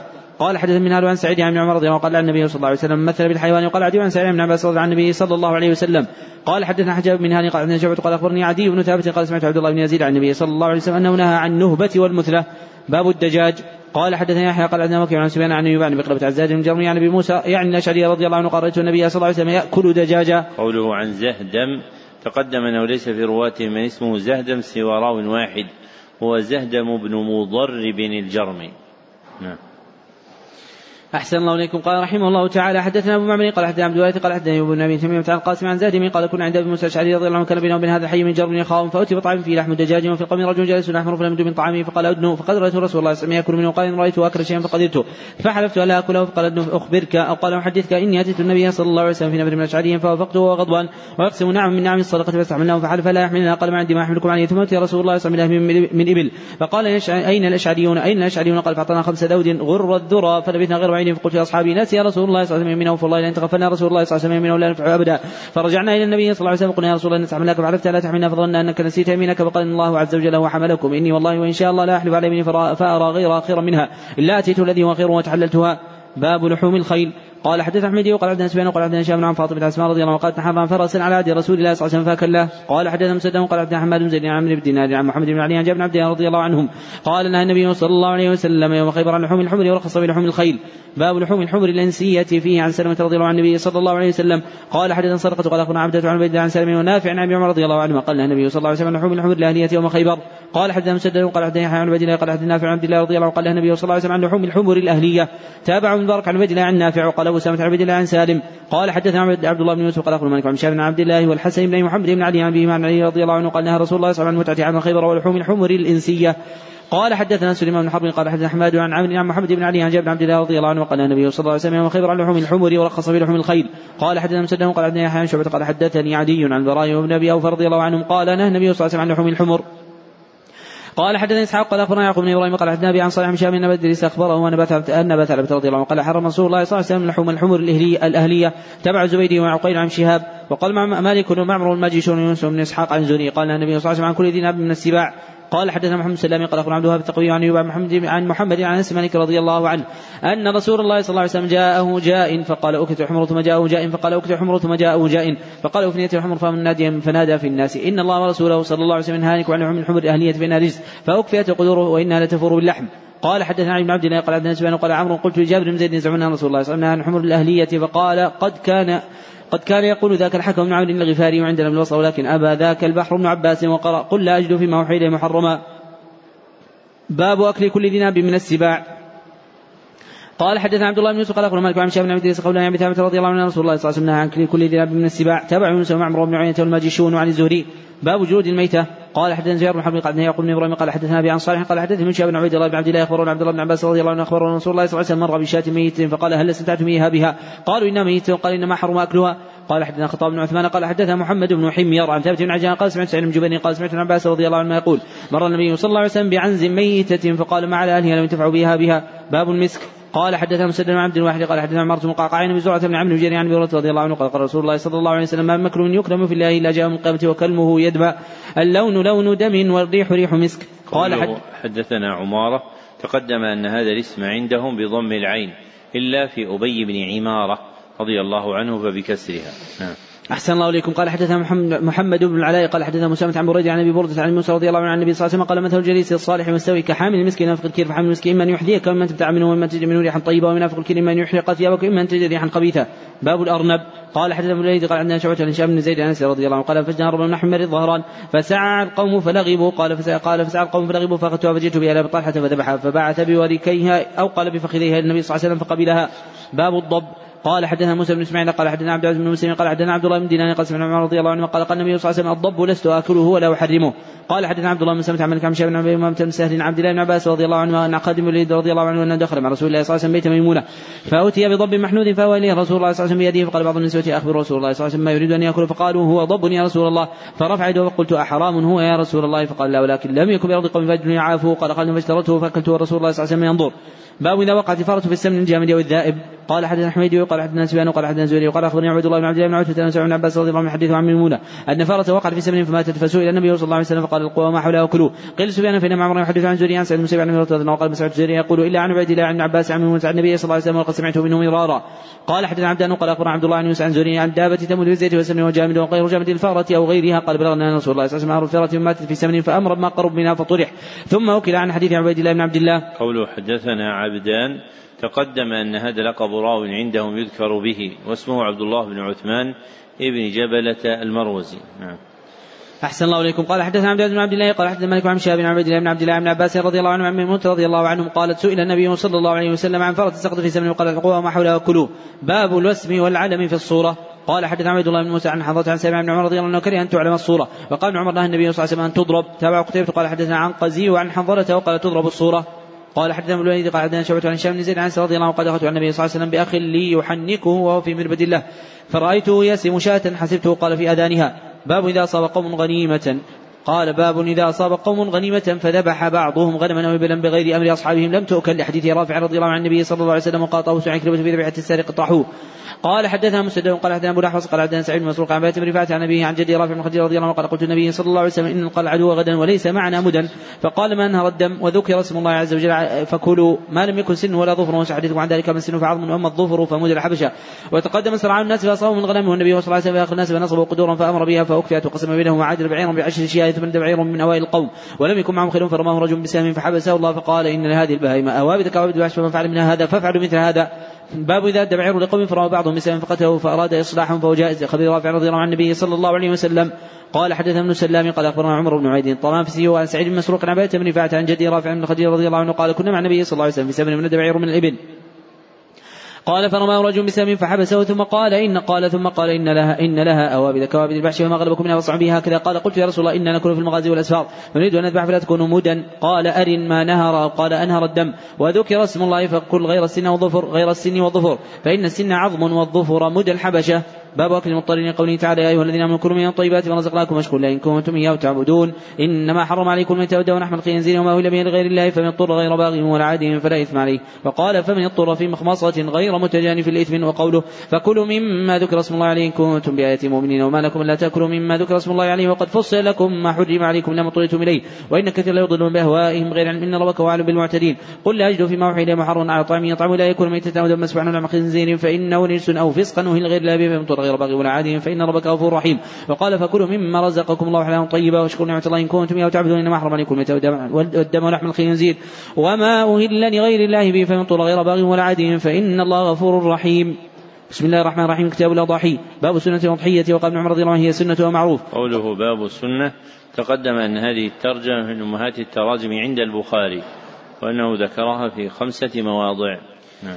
أحسن الله إليكم. قال حدثنا محمد بشاني قال حدثنا غدر قال حدثنا شعبة عن زبيد الأيامي قال عن الشعبي عن البراء رضي الله عنه قال قال النبي صلى الله عليه وسلم أول ما نبدأ به في يومنا هذا نصلي ثم نرجع في النحر من فعله وقد أصاب سنته ومن ذبح قبله فإنما هو لحم قدمه لأهله ليس من نسك في شيء قام بردة من نيار وقد ذبح فقال إن عندي جدعة فقال اذبح ولن عن أحد بعدك. قام طريف عن عن البراء رضي الله عنه قال قال النبي, صلى الله عليه وسلم ذبح الصلاة تم نسكه وأصاب سنة المسلمين. قال حدثنا مسدد قال حدثنا إسماعيل وايوب عن محمد عن إسماعيل رضي الله عنه قال قال النبي صلى الله عليه وسلم ذبح كل الصلاه فإنما ذبح لنفسه ومن ذبح الصلاه فقد تم نسكه وأصاب سنة المسلمين. باب قسمة الإمام الأضاحية بين الناس. قوله رحمه الله باب قسمة. هذه الترجمة من أمهات التراجم عند البخاري. ذكرها بهذا اللفظ في أربعة مواضع وذكرها بلفظ باب القسمة في موضع واحد. نعم.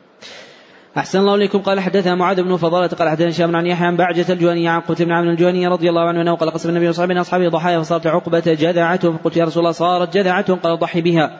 باب الأضحية للمسافر والنساء. قال حدثنا مسدد قال حدثنا سفيان عن عبد الرحمن القاسم عن ابي عائشة رضي الله عنه النبي صلى الله عليه وسلم دخل عليها وحاضت بسرف. قبل ان تدخل مكة وهي تبكي فقال ما لك أنا فستي قالت نعم. قال إن هذا أمر كتب الله عز وجل بناتي ان فقد ما يقضي الحاج غير لطوب البيت فلم أكن منا اتيت بلحم بقر بلحم بقر فقلت ماذا؟ قالوا ضحى رسول الله صلى الله عليه وسلم على زواجه بالبقر.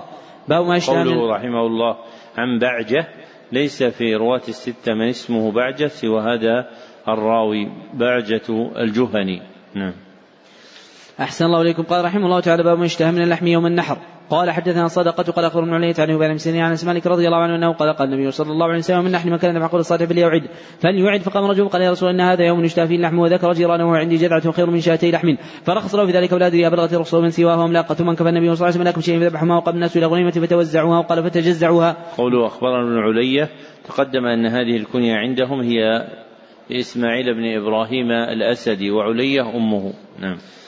أحسن الله إليكم. قال رحمه الله تعالى باب من قال الأضحى يوم النحر. قوله باب من قال تقدم أن هذه الترجمة من أمهات التراجم عند البخاري ذكرها في اثني عشر موضعا. نعم. أحسن الله إليكم. قال حدثنا محمد بن سلام قال حدثنا عبد الوهاب قال حدثنا أيوب عن محمد عن ابن أبي بكرة عن أبي بكرة رضي الله عنه عن النبي صلى الله عليه وسلم قال الزمان قد استدارك يأتي يوم خلق الله السماوات والأرض السنة 12 شهرا من أربعة حرم. ثلاث متواليات ذو القعدة وذو الحجة والمحرم ورجب مضر الذي بين جواد وشعبان. أي شهر هذا؟ قلنا الله ورسوله أعلم. فسكت حتى ظن يسمي بأنه سيسميه بغير اسمه. قال ليس ذي الحجة؟ قلنا بلى. قال أي بلد هذا؟ قلنا الله ورسوله أعلم. فسكت حتى ظننا أنه سيسميه بغير اسمه. قال ليس البلدة. قلنا بلى. قال فأي من هذا؟ قلنا الله ورسوله أعلم. فسكت حتى ظننا أنه سيسميه بغير اسمه. قال ليس يوم النحل قلنا بلى. قال فإن دماءكم ومالكم. قال محمد وحسبه. قال وأعراضكم عليكم حرمكم حرمة يومكم. هذا في بلدكم. هذا في شهركم. هذا في شهركم. كحرمة يومكم هذا في بلدكم هذا في شهركم. وستلقون ربكم فيسألكم عن أعمالكم. قال ألا فلا ترجع بعد الضلال يضرب بعضكم لقاء بعض يبلغ الشاهد الغائب فلعل بعض من يبلغ أن يكون أوعد من بعض من سمعه وكان محمد إذا ذكره. قال صدق النبي صلى الله عليه وسلم ثم قال ألا هل بلغت؟ ألا هل بلغت؟ باب الأضحى والمنحر بالمصلى. قال حدثنا محمد بن بكر المقدم قال حدثنا خالد بن حاتم قال حدثنا عبد الله النافع قال كان عبد الله رضي الله عنه ينحر في المنحر قال عبد الله يعني منحر النبي صلى الله عليه وسلم. قال حدثنا أحمد بن كريم قال حدثنا عن كثير من فرقد. عن نافع ان ابن عمر رضي الله عنه اخبره انه قال كان رسول الله صلى الله عليه وسلم يذبح وينحر بالمصلى باب في أضحية النبي صلى الله عليه وسلم كبشين أقرنين ويذكر سمينين وقال احمد سعيد سمعت أبا امه بن سالم قال كنا نسمن الاضحيه بالمدينة وكان المسلمون يسمنون. قوله باب في تقدم أن هذه الترجمة من أمهات التراجم عند البخاري وأنه ذكرها في ستة وعشرين موضعا. أحسن الله إليكم. قال حدثنا بن أبي ياسين قال حدثنا شعبة قال حدثنا عبد العزيز بن صهيب قال سمعت أنس بن مالك رضي الله عنه قال كان النبي صلى الله عليه وسلم يضحي بكبشين وأنا أضحي بكبشين. قال حدثنا قتيبة بن سعيد قال حدثنا عبد الوهاب عن أيوب عن قلابة عن أنس رضي الله عنه رسول الله صلى الله عليه وسلم كفى أين كبشين؟ أقرني أملحين فذبحهما بيده. تابعه ابن أيوب قال إسماعيل وحاتم وردان أيوب عن مسير عن أنس. قال حدثنا عمرو بن خالد قال حدثنا الليث عن زيد عن أبي الخير عن عقبة بن عامر رضي الله عنه النبي صلى الله عليه وسلم أعطاه غنما يقسم على أصحابته وضحايا فبقي عتود فبقي عتود فذكر النبي صلى الله عليه وسلم فقال ضحي أنت به. باب قول النبي صلى الله عليه وسلم ببرد تضحي بالجدع من المعز ولن تجزي عن أحد بعدك. قال حدثنا مسدد قال حدثنا خالد بن عبد الله قال حدثنا مطرف عن عامر عبد البراء بن عازب رضي الله عنه وقال ضحى قال يقال له أبو برده قبل الصلاة فقال له رسول الله صلى الله عليه وسلم شاتك شات لحم. فقال يا رسول الله إن عندي داجنا جذعه من المعز. قال اذبحها ولن تصر عن غيرك قال ثم قال من ذبح قبل الصلاة فانما يذبح لنفسه. ومن ذبح بعد الصلاة فقد تم نسكه وأصاب سنة المسلمين. تبع عبيدة عن الشعبي وإبراهيم وتبعه وكيع عن حريث عن الشعبي وقال عاصم عن داود عن الشعبي عندي عناق لبن. وقال زبيد بن فراس عن شافعي عندي جدع وقال أبو الأحوص قال حدث منصور عناق جدع قال ابن عناق جدعة جدع عناق لبن قال حدث محمد بشار قال حدث محمد جعفر قال حدثنا شعبة عن سلمة عن أبي جحفة عن رضي الله عنه قال ذبح ابو بردة قبل الصلاة فقال له النبي صلى الله عليه وسلم ابدنها قال ليس عندي الا جدعة قال شعبة واحسبه قال هي خير من مسنة قال اجعلها مكانها ولن تجزي عن أحد بعدك قال حاتم وردان عن عن محمد عن رضي الله عن النبي صلى الله عليه وسلم وقال عناق جدعة باب من ذبح الأضاحي بيده. قال حدثنا آدم بن أبي ياسين قال حدثنا شعبة قال حدثنا قتلت عن رضي الله عنه قطع النبي صلى الله عليه وسلم بكبشين املحين فرأيته واضعا قدمه على صباح من يسمي يكبر فذبحهما بيده صلى الله عليه وسلم. باب من ذبح ضحية غيره وعن رجل من عمر رضي الله عنه في بدنته وأمر أبو موسى بناته أن يضحين أن يضحين بأيديهن. قال حدثنا قتيبة قال حدثنا سفيان عبد الرحمن القاسم عن نبي عائشة رضي الله عنها قال دخل علي رسول الله صلى الله عليه وسلم ونبكي فقال ما لك؟ أنا فزت. قلت نعم. قال هذا أمر كتب الله عز وجل على بنات آدم يقضي ما يقضي الحاج غير لا تطوف البيت وضحى رسول الله صلى الله عليه وسلم عن النساء بالبقر. باب الذبح بعد الصلاة. قال حدثنا حجاب بن هاني قال حدثنا شعبة قال أخبرني زبيد قال سمعت الشعبي عن البراء رضي الله عنه قال سمعت النبي صلى الله عليه وسلم يخطب وقال إن أول ما نبدأ من يومنا هذا نصلي. ثم نرجع فلنحر ففعل هذا وقد صاب سنة ومن نحر فإنما لحم نقدمه لأهله ليس من في شيء فقال بردة. يا رسول الله ذبحت قبل أن نصلي وعندي جذعة خير من سنة وقال اجعل مكانه ولن تجزي أو قال توفي عن أحد بعدك. باب ذبح قبل الصلاة عاد. قال حدثنا عن عبد الله قال حدثنا إسماعيل بن إبراهيم عن أيوب عن محمد عن رضي الله عن النبي صلى الله عليه وسلم قال من ذبح قبل الصلاه فليعد قال رجل هذا يوم نشتهى به اللحم وذكر من جيرانه فقال فكان النبي صلى الله عليه وسلم عذر وعندي جذعه. خير من شاتين فرخصه النبي صلى الله عليه وسلم فلا أدري بلغت بلغت الرخصة أم لا ثم انكفى إلى كبشين يعني فذبحهما ثم انكفى الناس إلى غنيمة فذبحوها. قال حدثنا آدم قال عندنا شعبة قال حدثنا مسلم بن قيس قال سمعت جند بن سفيان البجري رضي الله عنه قال النبي صلى الله عليه وسلم بالنحل فقال من ذبح قول يصلي فليعد مكانه أخرى ومن لم يذبح فليذبح. قال حدثنا مسلم بن سفيان قال حدثنا أبو عن فراس عن عامر عن البراء رضي الله عنه قال صلى رسول الله صلى الله عليه وسلم ذات يوم فقال من صلى صلاتنا واستقبل قبلتها فلا يذبح حتى ينصرف. فقام بردة ابن ابن نيار فقال يا رسول الله فعلت. فقال هو شيء عجلته قال فإن عندي جذعة هي خير من سنة أذبح. وقال نعم ثم لا تزعل أحد بعد قال عمرو هي خير من نسيكتي نسيكتي. قوله عن فراس تقدم أنه ليس من رواتهم من اسمه فراس وراو واحد هو فراس بن يحيى الكوفي. أحسن الله إليكم. قال رحمه الله تعالى باب وضع القدم على صفح الذبيحة. قوله باب وضع تقدم أن هذه الترجمة من أمهات التراجم عند البخاري وأنه ذكرها في ثمانية مواضع. أحسن الله إليكم. قال رحمه الله تعالى حدثنا حجاج بن هاني قال حدثنا همام قال عن قتادة قال حدثنا أنس رضي الله عنه أن النبي صلى الله عليه وسلم كان ضحك بكبشين أملحين يقرني ووضع رجله على صفحتهما ويذبحهما, ويذبحهما بيده صلى الله عليه وسلم. باب التكبير عند الذبح. قال باب التكبير تقدم أن هذه الترجمة من أمهات التراجم عند البخاري وأنه ذكرها في تسعة مواضع وذكرها بلفظ باب يكبر في موضعين. نعم. أحسن الله إليكم. قال رحمه الله تعالى حدثنا قتيبة قال حدثنا أبو عوانة عن قتادة عن رضي الله عنه قال النبي صلى الله عليه وسلم بكبشين أملحين أقرن ذبحهما بيده وسماه وكبر ووضع رجله على صباحهما. باب إذا بعث بهدي ليذبح لم يحرم عليه شيء. قال حدثنا أحمد بن محمد قال أخبرنا عبد الله قال أخبرنا اسماعيل عن الشعبي عن مسروق أنه تعالى رضي الله عنه قال يوم المؤمنين رجل يبعث بالهدي إلى الكعبة ويجلس في المصر فيوصي أن تقلد بدنته ولا يزال من ذلك اليوم محرما. حتى يحل الناس قال فسمعت تصفيقا من وراء الحجاب فقال لقد كنت أفتر قلائد هدي رسول فقالت لقد كنت أفتر قلائد هدي رسول الله صلى الله عليه وسلم فبعث هديه الكعبة. فما يحرم عليه ما حل الرجال من أهله حتى يرجع الناس حتى يرجع الناس. باب ما يكر من حمل اضحي وما يتزود منها. قال حدثنا ابن عبد الله قال حدثنا سفيان قال عمرو أخبرني عطاء بن سمع بن عبد الله رضي الله عنه قال كنا نزود لحوم الأضاحي على النبي عليه وسلم وقال غير مرة لحوم الهدي. قال حدثني اسماعيل وقال حدثني سليمان عن يحيى سعيد عن قاسم بن خباب بن أخبره أنه سمع ابن سعيد رضي الله عنه حدث أنه كان غيبا فقدم فقدم إليه لحمه قال وهذا من لحم ضحايانا فقال اخروا لا أذوقه. قال ثم قمت فخرجت حتى اتي آتي أخي أخي أبا قتادة وكان أخاه لأمي وكان بدريا ذكر ذلك له فقال إنه قد حدث بعدك أمر. قال حدثنا معاص عن زيد بن أبي عبيد عن سلم بن رضي الله عنه قال قال النبي صلى الله عليه وسلم من ضحى منكم فلا يصبحن بعد ثالثة يوم بيته منه شيء. فلما كان عام يقول قال يا رسول الله نفعل كما فعلنا عام الماضي قال كلوا واطعموا وادخروا من ذلك العام كان بالناس جهاد فردت أن تعينوا فيها. قال حدثني اسماعيل بن عبد الله قال حدثني أخي عن سليمان عن يحيى سعيد عن عمرة بنت عبد الرحمن رضي الله عنها قالت الضحية كنا نملح منه فنقدم به إلى النبي صلى الله عليه وسلم المدينة. فقال لا تأكلوا إلا ثلاثة أيام وليست بعزيمة ولكن أراد أن يطعم منه والله أعلم. قال حدثنا حبان موسى قال أخبرنا عبد الله قال أخبرني موسى الزهري قال حدثني أبو عبيد مولى بن ازهر أنه شهد العيد يوم الأضحى مع عمر الخطاب رضي الله عنه فصلى قبل الخطبة. ثم خطب الناس قال يا ايها الناس إن رسول الله صلى الله عليه وسلم قد نهاكم عن صيام هذين العيدين. أما أحدهما فيوم فطركم من صيامكم واما الآخر فيوم تأكلون نسككم. قال أبو عبيد ثم شهد مع عثمان بن عفان رضي الله عنه فكان ذلك يوم الجمعة. فصلى قبل الخطبة ثم خطب قال يا ايها الناس إن هذا يوم قد اجتمع لكم فيه عيدان فمن أحب أن ينتظر الجمعة من أهل العوالي فلينتظروا من أحب أن يرجع فقد أذنت له. قال أبو عبيد ثم شهدت مع ابن أبي طالب رضي الله عنه صلى قبل الخطبة ثم خطب الناس وقال إن رسول الله صلى الله عليه وسلم نهاكم أن تأكلوا نسككم فوق ثلاث. وعن معمر الزهري عن أبي عبيد وذكر نحوه قال حدثنا محمد بن عبد الرحيم قال اخبرنا يعقوب بن إبراهيم بن سعد عن ابن أخي ابن شهاب عن ابن شهاب عن سامي عبد الله ابن عمر رضي الله عنه أنه قال قال رسول الله صلى الله عليه وسلم كلوا من الاضحيه ثلاثة وكان عبد الله يأكل بالزيت حين ينفر من منى من أجل لحوم الهدي. بسم الله الرحمن الرحيم كتاب الأشربة وقول الله تعالى إنما الخمر والميسر والأنصاب والأزلام رجس من عمل الشيطان فاجتنبوه لعلكم تفلحون. قال حدثنا عبد الله بن قال اخبر مالك عن نافع عبد الله بن عمر رضي الله عنه أن رسول الله صلى الله عليه وسلم قال من شرب الخمر في الدنيا ثم لم يتم منها حرمها في الآخرة. قال حدثنا ابن جباني قال أخبرنا شعب بن الزهري قال أخبرنا سعيد بن مسيب انه سمع رضي الله عنه رسول الله صلى الله عليه وسلم أوتي ليلة أسري به بإيلياء. بقدحين من خمر ولبن فنظر لما تماخذ لبن فقال جبريل الحمد لله الذي هداك الفطره ولو أخذت الخمر غوت أمتك. تابع معروف من الهادي وعثمان بن عمر والزبير وعن زوري. قال حدثنا مسلم بن إبراهيم قال حدثنا هشام قال حدثنا قتادة عن رضي الله عنه قال سمعت من رسول الله صلى الله عليه وسلم حديثا لا يحدثكم به غيري. قال من صلاة ساعه يظهر الجهل ويقل العلم ويظهر الزنا وتشرب وتشرب الخمر ويقل الرجال ويكثر النساء حتى يكون خمسين امرأة قيمهن رجل واحد. قال حدثنا أحمد بن صالح قال حدثنا وهب قال أخبرني عن شام قال سمعت أبا سلمة عبد الرحمن بن المسيب يقولان قال أبو هريرة رضي الله عنه النبي صلى الله عليه وسلم قال لا يزني حين يزني وهو مؤمن ولا يشرب الخمر حين يشرب وهو مؤمن ولا يسرق سارق حين يسرق وهو مؤمن. قال بشابه اخر عبد الملك بن أبي بكر. ابن عبد الرحمن بن حارث بن هشام أن ابو بكر كان يحدثه عن أبي هريرة رضي الله عنه ثم يقول كان أبو بكر يلحق معهن ولا ينتهي نهبه ذات شرف يرفع الناس اليه أبصارهم فيها حين ينتهب وهو مؤمن. باب الخمر من العنب. قال حدثنا حسن بن صباح قال حدثنا محمد سابق قال حدثنا مالك بن مغول عن نافع بن عمر رضي الله عنه قال لقد حرمت الخمر وما بالمدينة وما بالمدينة منها شيء. قال حدثنا أحمد بن يونس قال حدثنا أبو شهاب بن عبد ربه بن نافع عن يونس عن ثابت بن انس رضي الله عنه قال حرمت عن الخمر حين حرمت وما نجي يعني بالمدينة خمر العنب الا قليلا وعامة خمر البسر والتمر. قال حدثنا مسدد قال حدثنا عن أبي حيان قال حدثنا عمرو عن عمر رضي الله عنه أنه قال قام عمر رضي الله عنه من المنبر فقال ما بعد نزل تحريم الخمر يوم الخمسة؟ العنب والتمر والعسل والحنطة والشعير والخمر ما خمر العقل. باب نزل تحريم الخمر يوم البسر والتمر. قوله باب نزل هذه الترجمة من أمهات التراجم عند البخاري. ذكرها بهذا اللفظ في ثلاثة مواضع. وقال في أربعة مواضع باب نزول وقال في موضعين باب النزول وقال في موضع واحد تقدم في فضائل القرآن باب أنزل. نعم. أحسن الله إليكم. قال حدثني سمع بن عبد الله قال حدثني مالك بن ابن أنس عن إسحاق بن عبد الله بن أبي طلحة عن مالك رضي الله عنه قال كنت أسقي أبا عبيدة وأبا طلحة وأبي كعب من فضيق زاوية من تمر فجاء فقال إن الخمر قد حرمت قال أبو طلحة يا أنس فهرقها فأرقتها. قال حدثنا مسلم قال عن معتمر عن النبي قال سمعت أنس رضي الله عنه قال كنت قائما على الحي اسقيه أسقيهم عمومتي والاصغارهم الفضيخ. فقيل حرمت الخمر. فقالوا أكفئها. فكفأناها. قلت أنس رضي الله عنه ما قال رطب وبسر فقال أبو بكر بن أنس وكانت خمرهم فلم ينكر أنس.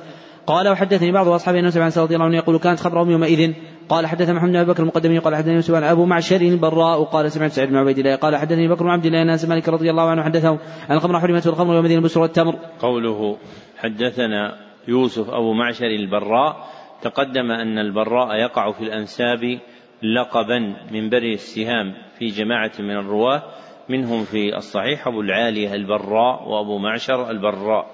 نعم.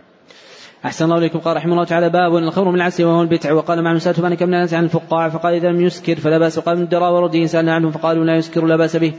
قال حدثنا عبد الله بن يوسف قال أخبرنا مالك عن شاب بن عن أبي سلمة عبد الرحمن بن عائشة رضي الله عنه قال سئل رسول الله صلى الله عليه وسلم البتع فقال كل شراب أسكر فهو حرام. قال حدثنا اليماني قال أخبرنا شعب بن الزهري قال أخبرنا ابن سلمة عبد الرحمن بن عائشة رضي الله عنها قال سئل رسول الله صلى الله عليه وسلم البتع ونبيذ العسل. وكان أهل اليمن يشربونه فقال رسول الله صلى الله عليه وسلم كل شراب أسكر فهو حرام. وعن الزهري قال حدثنا سمانك رضي الله عنه أن رسول الله صلى الله عليه وسلم قال لا تنتبذوا في الدباء ولا في المزفه وكان أبو رضي الله عنه يلحق مع الحنتم والنقير. باب ما جاء في أن الخمر ما خمر العقل من الشراب. قال حدثنا أحمد بن أبي رجاء قال حدثنا عن أبي حيان تيمي عن الشعبي عن ابن عمر رضي الله عنه أنه قال خطب عمر رضي الله عنه من بر رسول الله صلى الله عليه وسلم قال إنه قد نزل تحريم الخمر يوم الخمسة. ومن خمسة أشياء العنب والتمر والحنطه والشعير والعسل والخمر وخمر العقل وثلاث وجدت أن رسول الله صلى الله عليه وسلم لم يفرقنا حتى عاد إلينا عهدا. الجد والكلة وأبواب من أبواب الربا. قال قلت يا أبا عمرو فشيء يصنع بالسند من من فشيء يصنع بالسند من الرز. قال ذاك لم يكن عهد النبي صلى الله عليه وسلم. قال على عهد عمر. قال حجاج حماد عن أبي حيان وكان العنب الزبيب. قال حدثنا حفص بن عمر قال ان شعبة عن عبد الله بن أبي السفري عن الشعبي عن عمر عن عمر رضي الله عنهما أنه قال الخمر يصنع من خمسه من الزبيب والتمر الحنطه والشعير والعسل باب ما جاء في من يستحل الخمر ويسميه بغير اسمه. قال وقال هشام بن عمار حدثنا صدقة بن خالد قال حدثنا عبد الرحمن بن يزيد بن جابر قال حدثنا عطية بن قيس الكلابي قال حدثنا عبد الرحمن بن غنم الأشعري وقال حدثنا أبو عامر قال أبو مالك الأشعري والله ما كان سمع النبي صلى الله عليه وسلم يقول يكون من أمتي اقوام يستحلون الحرى والحرى والحرير والخمر والمعازف. ولينزلن أقوام إلى جبل عالم يروح عليهم سريحة لهم يأتيهم يعني الفقير, الفقير لحج فيقول ارجع لنا غدا في بيت الله عز وجل. ويضع العلم ويمسخ آخرين قردة وأخرى من القيامة. باب الانتباه في الأوعية والتور. قال حدثنا قتيبة بن سعيد قال حدثنا يعقوب بن عبد الرحمن بن حازم قال سمعت سهلا يقول أتى أبو سعيد السعدي أبو أسيد السعدي رضي الله عنه ودعا رسول الله صلى الله عليه وسلم في عروسه فكانت امرأته خادمهم وهي العروس. قال تدرون ما سقيت رسول الله صلى الله عليه وسلم؟ قالت له تمرات من الليل في تور. باب ترخيص النبي صلى الله عليه وسلم الأوعية والظروف بعد النهي. قال حدثنا يوسف بن موسى قال حدثنا محمد عبد الله أبو أحمد الزبيري وقال حدثنا سفيان عن منصور عن سالم عن جابر رضي الله عنه أنه قال نهى رسول الله صلى الله عليه وسلم عن الظروف وقالت الأنصار إنه لا بد لنا منها. قال فلا إذن. قال خليفة حدث يا احمد سعيد قال حدثنا سفيان عن منصور عن سالم بن الجعد وحدث بهذا. قال حدثنا عبد الله بن محمد قال حدثنا سفيان بهذا وقال في لما نهى النبي صلى الله عليه وسلم عن نوعية قال حدثنا عن ابن عبد الله قال حدثنا سفيان عن سليمان بن أبي مسلم نحو عن مجاهد عن أبي عياض عن عبد الله بن عمرو رضي الله عنه أنه قال لما النبي صلى الله عليه وسلم سقيت قيل النبي صلى الله عليه وسلم ليس كل الناس يجد سقا فرقص لهم في الجاريه غير المزفت قال حدثنا مسدد قال حدثني عن سفيان قال حدثني سليمان عن إبراهيم تيمية عن حاتم سفيان عن, عن علي رضي الله عنه قال نهى النبي صلى الله عليه وسلم عن دباء المزفت. قال حدثنا عثمان وقال حدثنا جرير عن الأعمش فحدث بهذا. قال حدثني عثمان وقال حدثنا جرير عن منصور عن إبراهيم قال قلت للأسود هل سألت عائشة أم المؤمنين رضي الله عنها ما يكره أن ينتبذ فيه؟ فقال نعم. قلت يا أم المؤمنين عما نهى النبي صلى الله عليه وسلم أن ينتبذ فيه. قالت نهانا في ذلك أهل البيت أن ننتبذ في الدباء والمزفت. قلت أما ذكرت الجر والحنتم؟ قال إنما أحدثكم ما سمعت أفأحدث ما لم أسمع. قال حدثنا موسى بن إسماعيل قال عبد واحد قال عبد شيبان قال سمعت عبد الله بن أبي أوفى رضي الله عنه قال النبي صلى الله عليه وسلم عن الاخضر قلت أنشرب في الابيض قال لا. قوله حدثنا الشيباني تقدم أن هذه نسبة لجماعة من رواتهم والمراد منهم عند الاطلاق هو سليمان بن أبي سليمان الشيباني. نعم. أحسن الله إليكم. قال رحمه الله تعالى باب نقيع التمر ما لم يسكر. قال حدثني أحمد كيني قال حدثني يعقوب بن عبد الرحمن القادي وعن أبي حازم قال سمعت سهل بن سعد رضي الله عنه قال أن أبا سيد السعدي يدعى النبي صلى الله عليه وسلم عرسه وكانت امرأته خادمة يوم يدي وهي العروس. فقالت ما فقالت ما تدرون ما أنقعت لرسول الله صلى الله عليه وسلم؟ أنقعت له تمرات من الليل في تور. باب البادق ومنها عن كل مسكين من الشربة وراء عمر وأبو عبيدة ومعاذ. شرب الطلاع على الثلث شرب الطلاع على الثلث وشرب وشرب البراء وأبو جحيفة عن النص وقال ابن عباس اشرب العصير ودم طريق وقال عمر وجدته من عبيد الله شراب سائل عنه فإن كان يسكر جلدته. قال حدث محمد كثير قال أخبرنا سفيان عن الجويرية قال سألت ابن عباس رضي عن بادق فقال سبق محمد صلى الله عليه وسلم بادق. فما أسكر فهو حرام. قال الشراب الحلال الطيب وقال ليس الحلال الطيب إلا الحرام الخبيث. قال حدثنا عبد الله بن أبي شيبة قال حدثنا مسامه قال حدثنا هشام بن عروة عن النبي عائشه رضي الله عنها قال كان النبي صلى الله عليه وسلم يحب الحلوى والعسل باب من رأى لا يخطب بصلاته وكان إذا كان مسكرا وأن لا يجعل يدين في إدام. قوله باب من رأى تقدم أن هذه الترجمة من أمهات التراجم عند البخاري وأنه ذكرها في عشرة مواضع. نعم. أحسن الله إليكم. قال حدثنا مسلم قال حدثنا هشام قال حدثنا قتادة عن رضي الله عنه أنه قال إني لأسقي أبا طلحة وأبا دجانة وسهيل من البيضاء خليط أبو سليم تمني إذ حرمت الخمر فقذفت وأنا ساقم وأصغرهم وإنا نعدها يوم الخمر. وقال عمرو الحادي حدثنا قتادة عن سمع رضي الله عنه. قال حدثنا أبو عاصم عن جرد قال أخبرني عطاء بن سمع جابر رضي الله عنه يقول لها النبي صلى الله عليه وسلم عن الزبيب والتمر والبصير والرطب قال حدثنا مسلم قال حدثنا هشام قال أخبرني أحمد بن بكر عن عبد الله بن عن رضي الله عنه قال النبي صلى الله عليه وسلم يجوع بالتمر والزبيب والتمر والزبيب واليوم كل واحد منهم على حدة. باب شرب اللبن وقول الله تعالى من بين فرض ودم اللبن خالصا سائغا للشاربين. قوله باب شرب. تقدم أن هذه الترجمة من هذه التراجم عند البخاري وأنه ذكرها بهذا اللفظ باب الشرب في ستة مواضع وقال في ستة مواضع أخر باب الشرب. نعم. أحسن الله إليكم. قال حدث عبدان قال أخبر عبد الله قال أخبرنا عن زهري عن سعيد المسيب عن أبي رضي الله عنه قال أتي رسول الله صلى الله عليه وسلم يتأسي به بقدح لبن وقدح خمر.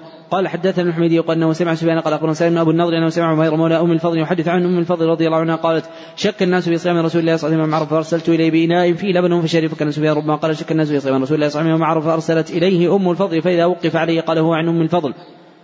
قال حدثنا قتيبة قال نجير معنا مشعل بن صالح وابي سفيان عن جابر بن عبد الله رضي الله عنه قال جاء أبو حميد بقدح من لبن من النقيع فقال له رسول الله صلى الله عليه وسلم ألا خمرت ولم تعرض عليه عودا. قال حدثنا عمر بن حفص قال عبد النبي قال حدثنا الاعمش قال سمعت أبا صالح يذكر أوراه عن جابر رضي الله عنه قال جاء أبو حميد رجل من أنصار بن النقيع بإنام لبن النبي صلى الله عليه وسلم قال النبي صلى الله عليه وسلم ألا خمرت ولم تعرض عليه عودا. قال وحدثني مسلم عن جابر عن النبي صلى الله عليه وسلم فحدث بهذا قال حدثني محمد قال اخبر النضر قال أخبرنا شعبة عن اسحاق قال سمعت البراء رضي الله عنه قال قدم النبي صلى الله عليه وسلم مكة وأبو بكر معه قال أبو بكر مررنا براع وقد عطش رسول الله صلى الله عليه وسلم. قال أبو بكر رضي الله عنه فحلبت كثبة من لبن في قدح فشرب حتى رضيت وأتانا سرقت بن جعش معنا فرس فدعا عليه فطلب إليه سرقت الا يدعو عليه وأن يرجع. ففعل النبي صلى الله عليه وسلم. قال حدثنا اليمني قال أخبرنا شعبي قال حدثنا الزناد عن عبد الرحمن عن هريرة رضي الله عنه أن رسول الله صلى الله عليه وسلم قال نعم الصدقة اللقحه الصفي منحة والشاة الصفي منحة تغدو بإناء وتروح بآخر. قال حدثنا أبو عاصم عن زيد عن شاب بن عبد الله بن عبد الله بن عباس رضي الله عنه أن رسول الله صلى الله عليه وسلم شرب لبنا فمضمض وقال إنه دسم. وقال إبراهيم طعما عن شعبة عن قتادة عن مالك رضي الله عنه قال قال رسول الله صلى الله عليه وسلم رفعت إلى السدرة بإذا أربعة أنهار. نهران ظاهران ونهران باطنان فما ظاهرا النيل والفرات واما الباطنان فنهران في الجنة فوجدوا ذات قداح قدح في لبن وقدح في عسل وقدح في خمر فاخذت الذي فيه اللبن. فشربت فقيل لي أصبت الفطرة أنت وأمتك. قال هشام سعيد همام عن قتادة عن مالك رضي الله عنه مالك الله رضي الله عنه النبي صلى الله عليه وسلم وقال في الأنهار وذكر نحوه لم يذكر ثلاثة أقداح. ولم يذكر ولم يذكروا ثلاثة أقداح. باب استعذاب الماء. قال حدث عبد الله بن مسعود عن مالك عن إسحاق بن عبد الله بن سمع مالك رضي الله عنه يقول كان أبو طلحة رضي الله عنه أكثر انصار بالمدينة مالا من اخره وكان أحب ماله إليه بيرحاء وكانت مستقبل المسجد وكان رسول الله صلى الله عليه وسلم يدخل ويشرب ماء فيها طيب. قال أنس فلما نزلت لن تولد حتى تنفقوا ما تحبون. قال طلحة فقال يا رسول الله إن الله عز وجل يقول لن تولد حتى تنفقوا مما تحبون. وإن أحب مالي إلي بيرحاء وإن صدقت لله عز وجل أرجو بر ذخرى عند الله عز وجل. فضع يا رسول الله حيث اراك الله. فقال رسول الله صلى الله عليه وسلم بخ ذلك ما رابح أو قال رايح شك عبد الله وقد سمعت ما قلت. واني ارجع في الأقربين فقال أبو طلحة افعل رسول الله فقسم أبو طلحة في اقاربه وفي بني عمه وقال إسماعيل ويحيى بن يحيى رايح. باب شوب اللبن بالماء. قال حدثنا عبدان قال اخبر عبد الله قال اخبرني عن زهري قال أخبرني أنس مالك رضي الله عنه أنه رأى رسول الله صلى الله عليه وسلم شرب لبنا وأتى داره فحلبت شاة فشبت لرسول الله صلى الله عليه وسلم البئر. فتناول القدح فشرب وعن يساره أبو بكر وعن وعن يمينه أعرابي فأعطى أعرابي فضله ثم قال ايمن فالأيمن. قوله رحمه الله باب شوب اللبن بالماء أي خلطه به. نعم. أحسن الله إليكم. قال حدثنا عبد الله بن محمد قال حدثنا أبو عمرو قال حدثنا فريح بن سليمان عن سعيد بن حاتم عن جابر بن عبد الله رضي الله عنه النبي صلى الله عليه وسلم دخل رجل من الأنصار معه صاحب له فقال له النبي صلى الله عليه وسلم كان عندك ماء بات هذه الليلة في شنة ولا كرعنا قال والرجل يحول الماء في حائطه قال فقال الرجل يا رسول الله عندي ماء بائت فانطلق إلى العريش. قال فانطلق به ماء فسكب في قدح ثم حلب عليه من داج له. قال فشرب رسول الله صلى الله عليه وسلم ثم شرب الرجل الذي جاء معه. باب شراب الحلوى والعسل وقال الزهري لا يحل شرب بول الناس لشدة التزر به لأنه رزق. الله تعالى وحل لكم طيبات قال مسعود من سكت الله عز وجل لم يجعل شفاكم حرم عليكم. قال حدثنا علي بن عبد الله قال عبد الله قال أخبرني هشام عن أبي عائشه رضي الله عنها قد كان النبي صلى الله عليه وسلم يعجبه الحلواء والعسل. باب شرب قائما. قال حدثنا ابن عمي قال عبد الله مسعر عن عبد الملك بن ميسرة عن النزاري قال أنت علي رضي الله عنه على الباب الرحبة يشرب قائما فقال إن الناس يكره أحدهم يشرب قائم. وإني رأيت النبي صلى الله عليه وسلم فعل كما رايتوني فعلت. قال قوله عن النزال تقدم أنه ليس في البخاري من الرواة من اسمه النزال سوى راو واحد. هو النزال بن سبرة الهلالي. نعم. أحسن الله إليكم. قال حدثنا آدم قال حدثنا شعبة قال حدثنا عبد الملك بن سعد قال سمعت النزام سبرة يحدث عن علي رضي الله عنه أنه صلى أنه صلى الظهر ثم قعد في حوائج الناس في رحمة الكوفة حتى حضرت صلاة العصر. ثم أتي ماء فشرب وغسل وجهه ويديه وذكر رأسه ورجليه. ثم قام فشرب فضله وهو قائم. ثم قال الناس يكرهون شرب قائم النبي صلى الله عليه وسلم. صنع مثل ما صنعت. قال حدثنا ابن عمي قال حدثنا سفيان عن عاصم عن شبيه عن ابن عباس رضي الله عنه أنه قال شرب النبي صلى الله عليه وسلم قائما من زمزم. باب من شرب واقف على بعيره. قال حدثنا مالك بن إسماعيل قال حدثنا عبد العزيز بن أبي سلمة قال اخبر من النضر عن عمير مولى ابن عباس عن الفضل بن حارث رضي الله عنه ارسلت النبي صلى الله عليه وسلم قدح لبن واقف عشية عرفة فأخذ بيده فشرب زاد مالك عن النضر على بعيره. قوله أخبرنا أبو النضر تقدم أن هذه الترجمة عندهم تأتي بالضاد المعجمة ولم يقع بالصاد المهملة. نعم. أحسن الله إليكم قال رحمه الله تعالى باب الأيمن باب الأيمن فالأيمن في الشرب قال حدثنا قال حدثني إسماعيل قال حدثني مالك عن شاب عن مالك رضي الله عنه أن رسول الله صلى الله عليه وسلم بلبن قد شرب ماء وعن من عربي وعن شمال أبو بكر فشرب ثم أعطى العربي وقال الأيمن فالايمن الأيمن باب هل يستأذن الرجل من عن يمينه في الشرب ليعطي الأكبر؟ قوله باب هل تقدم أن هذه الترجمة من امهات التراجم عند البخاري وأنه ذكرها في خمسة وخمسين موضعا نعم. أحسن الله إليكم. قال حدثنا إسماعيل قال حدثني مالك عن أبي حازم بن دينار عن سالم سعد رضي الله عنه رسول الله صلى الله عليه وسلم بشرى من شر من وعن يمينه غلام عن سال الأشياخ وقال لغلام تعدوني أن أعطي هؤلاء. فقال غلام الله يا رسول الله يوثر بن منك أحدا قال ابتله رسول الله صلى الله عليه وسلم في يده.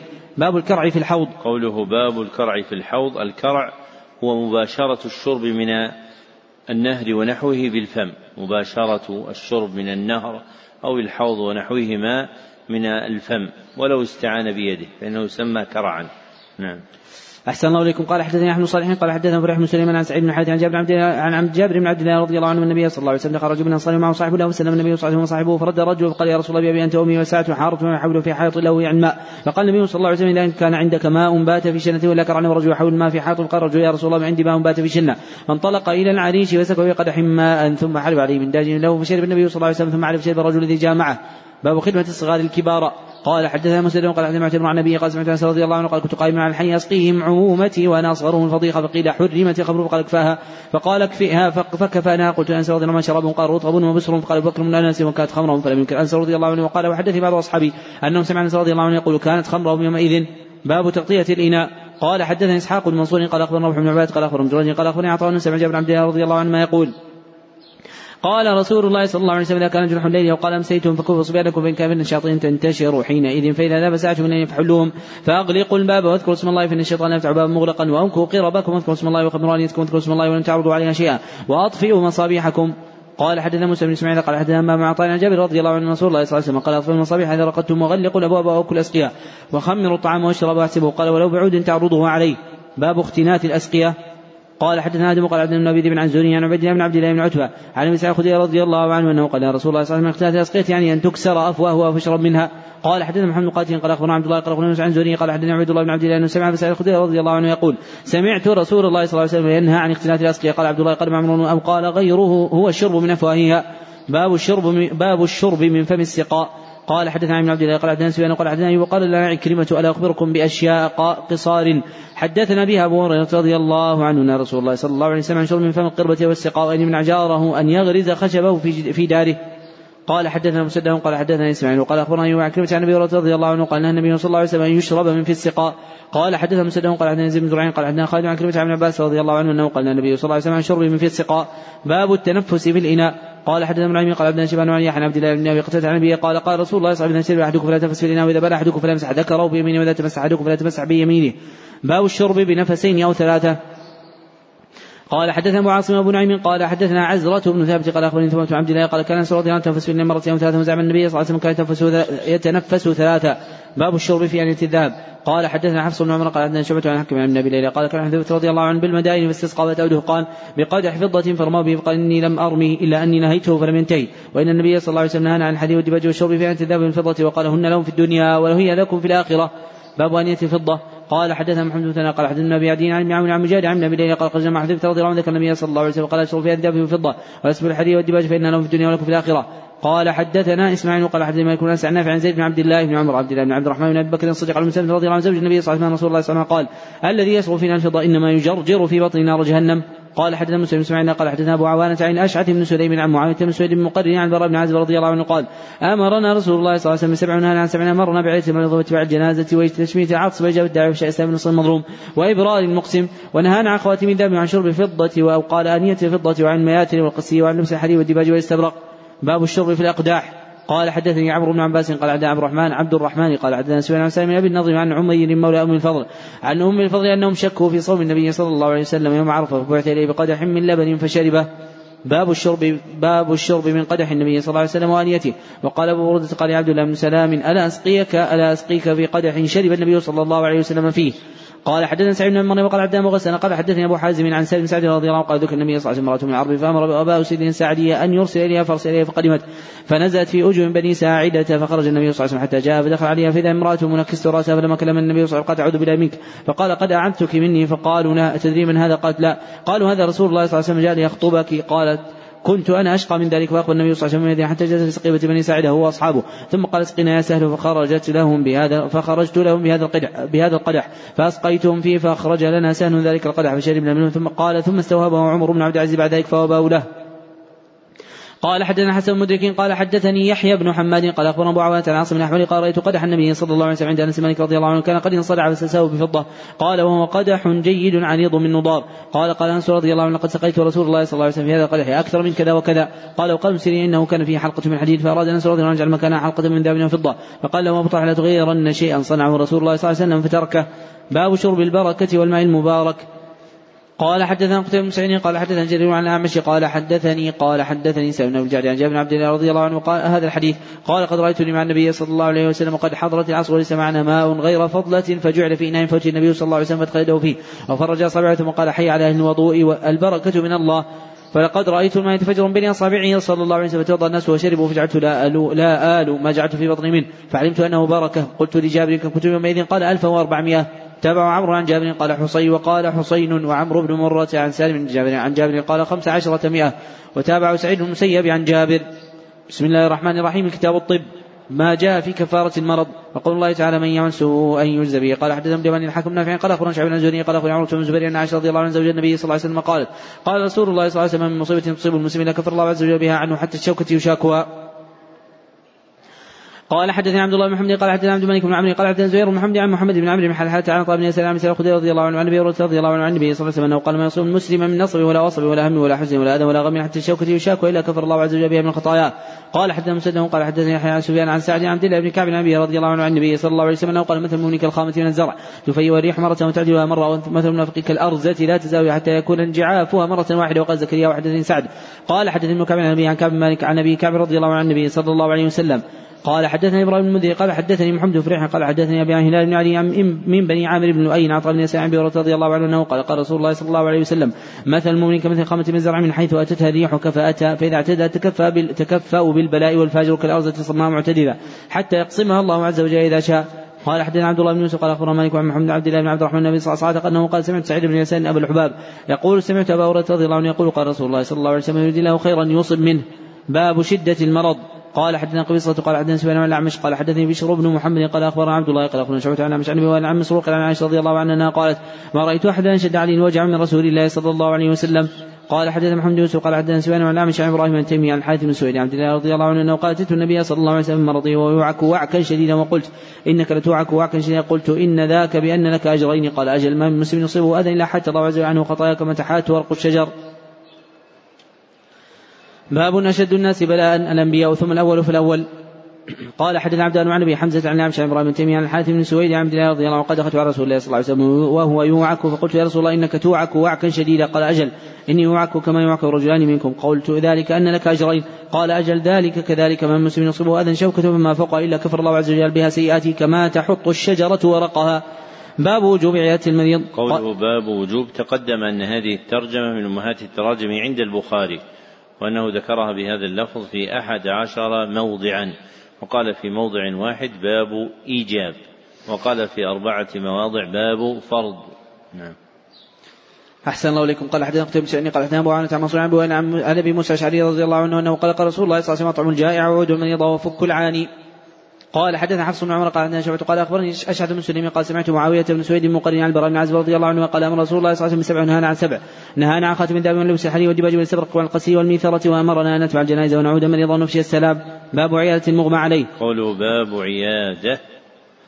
هذه الترجمة من أمهات التراجم عند البخاري. ذكرها في ستة مواضع. نعم. أحسن الله إليكم. قال حدثنا عبد الله بن محمد قال حدثنا سفيان عن ابن المنكدر أنه سمع جابر بن عبد الله رضي الله عنه يقول مرضت مرضا فأتاني النبي صلى الله عليه وسلم يعودني أبو بكر وهما ماشيان فوجداني أغمي عليه فتوضأ النبي صلى الله عليه وسلم ثم صب وضوءه عليه ففقت بين النبي صلى الله عليه وسلم قلت يا رسول كيف أصنع في مالي كيف أقضي في مالي؟ فلم يجدني شيء حتى نزلت آية الميراث. باب فضل من يصرع من الريح. قال حدثنا مسلم قال حدثني عن عمران بن أبي بكر عن عمران أبي بكر قال حدثني عطاء بن أبي ربيح قال قال لي ابن عباس رضي الله عنهما ألا أريك امرأة من أهل الجنة؟ قلت بلى. قال هذه مرة سوداء واتت النبي صلى الله عليه وسلم وقالت إني اسرع وإني اتكشف ادعو الله عز وجل. قال إن شئت صبرت ولك الجنة. وإن شئت دعوت الله عز وجل أن يعافيك. فقالت أصبر. فقالت إني أتكشف. فادعو الله عز وجل. لا تكشف دعا لها. قال حدث محمد قال أخبرنا مخرج عن جريج قال اخبرني عطاء انه راى أم زفر تلك امرأة طويلة سوداء على ست الكعبه باب فضل من ذهب بصره. قال حدثنا عبد الله بن يوسف قال حدثنا الليث قال حدثني ابن هادي عن عمرو مولى المطلب عن مالك رضي الله عنه أنه قال سمعت النبي صلى الله عليه وسلم يقول إن الله عز وجل قال إذا ابتليت عبدي بحبيبته فصبر عوضته منهما الجنة يريد عينيه. تابعه اشعث بن جابر وأبو ظلال عن رضي الله عن النبي صلى الله عليه وسلم. باب عيادة النساء الرجال وعادة أم الدرداء رجل من أهل المسلمين من الأنصار. قال حتى قتيبة عن مالك عن بن عروة عن أبي عائشة رضي الله عنها قالت لما قدم رسول الله صلى الله عليه وسلم المدينة وهو عن أبو بكر وبلال رضي الله عنهما قالت فدخلت عليهما قلت يا أبت كيف تجدك؟ وبلال كيف تجدك؟ قالت وكان أبو بكر رضي الله عنه إذا أخذته الحمى يقول كل امرئ مصبح في أهله والموت أدنى من شراك عليه وكان بلال رضي الله عنه إذا أقلعت عنه يقول ألا تشعري نبيتن ليلة بواد وحوله ذخر وجليل وهل أريدا يوما بيام جنة وهل تبدو الإشامة وطفيل؟ قالت عائشة رضي الله عنها جئت إلى رسول الله صلى الله عليه وسلم فقلت فقال اللهم حب إلينا المدينة كحبنا مكة وشد اللهم وصححها وبارك لنا في مدها وصاعها وانقل حماها فاجعلها بالجحفة. باب عيادة الصبيان. قوله هنا في الحديث أنه رأى أم زفر تلك امرأة طويلة سوداء على ستر الكعبة. إيش معنى على ستر الكعبة؟ ليش متمسكة بستار الكعبة؟ يجوز هذا؟ الجواب على ستر الكعبة. المراد أنها إما متعلقة بها أو تحتها تدعو ودلت الآثار على جواز ذلك. فالتعلق بأستار الكعبة نوعان. أحدهما تعلق للاستعاذة والإلحاح في الدعاء فهذا جائز ولم يزل عليه العرب في الجاهلية والإسلام. والثاني أن يكون المراد بذلك الاستمداد للبركة من تلك الأستار فهذا محرم. نعم. أحسن الله إليكم. قال رحمه الله تعالى باب عيادة الصبيان. قال حدث حجاج بن هاني قال حدث شعبة قال أخبرني في قتل ابن خطل أن النبي صلى الله عليه وسلم قال اقتلوه ولو وجدتموه متعلقا تال الكعبة. نعم. أحسن الله عليكم قال رحمه الله تعالى باب عيادة الصبيان. قال حدثنا حجاب من هاني قال حدثنا شعبة قال أخبرني عاصم قال سمعت أبا عثمان وسلمة بن رضي الله عنه أن ابنة للنبي صلى الله عليه وسلم أرسلت إليه ومع النبي صلى الله عليه وسلم وسعد وأبي نحسب أن ابنته قال قد حضرت. فأشهدنا فأشهد فأشهدنا فأرسل إليها السلام ويقول إن الله ما أخذه وما أعطى وكل شيء عنده مسمى فلتحتسب وتصبر فأرسلت تقسم عليه فقال النبي صلى الله عليه وسلم وقمنا فربع الصبي في حج النبي صلى الله عليه وسلم نفسه تقعقع ففضت عين النبي صلى الله عليه وسلم فقال سعد ما هذا يا رسول الله؟ قال هذه رحمة الله عز وجل فيقول من شاء من عباده ولا يرحم الله عز وجل من عباده إلا الرحماء. باب عيادة الأعراب. قال حدثنا معاذ بن قال حدثنا عبد العزيز المختار قال حدثنا خالد عن كلمة عن عباس رضي الله عنه النبي صلى الله عليه وسلم دخل اعرابي يعوده قال وكان النبي صلى الله عليه وسلم دخل عن مريض يعوده فقال له لا باس طهور إن شاء الله. قال قلت طهور كلا بل هي حمى تفور. وقال تثور على شيخ كبير تزيره القبور. قال النبي صلى الله عليه وسلم فنعم اذا باب المشرك. قال حدثنا سليمان بن حرب قال حدثنا حماد بن زيد عن ثابت عن رضي الله عنه أنه غلام اليهود كان يخدم النبي صلى الله عليه وسلم فمرض فاتاه النبي صلى الله عليه وسلم يعوده. فقال أسلم فأسلم. وقال سعيد بن مسيب عن نبيه قال لما حضر أبو طالب جاء النبي صلى الله عليه وسلم. باب إذا عاد مريضا فحضرت الصلاة وصلى بهم جماعة. قال حدثنا محمد بن مثنى قال حدثنا يحيى قال حدثنا قال حدثنا هشام قال أخبرني أبي عن عائشة رضي الله عنها النبي صلى الله عليه وسلم دخل عليه ناس يعودون في مرضه فصلى بهم جالسا. فجعلوا يصلون قياما فشار إليهم اجلسوا فلما فرغ قال إن الإمام لا يؤتم به فإذا فإذا إن الإمام لا يؤتم به فإذا ركع فاركعوا وإذا رفع فارفعوا وإذا صلى وإن صلى جالسا فصلوا جلوسا. قال أبو عبد الله قال أحمد هذا حديث منسوخ لأن النبي صلى الله عليه وسلم آخر ما صلى صلى قاعدة والناس خلفه قيام. باب وضع اليد عن المريض قال حدثنا مكي بن إبراهيم قال أخبرنا جعيد عن عائشة رضي الله عن عائشة بنت سعد انبا قال تشكيت مكة شكوا شديد شكوا شديدا.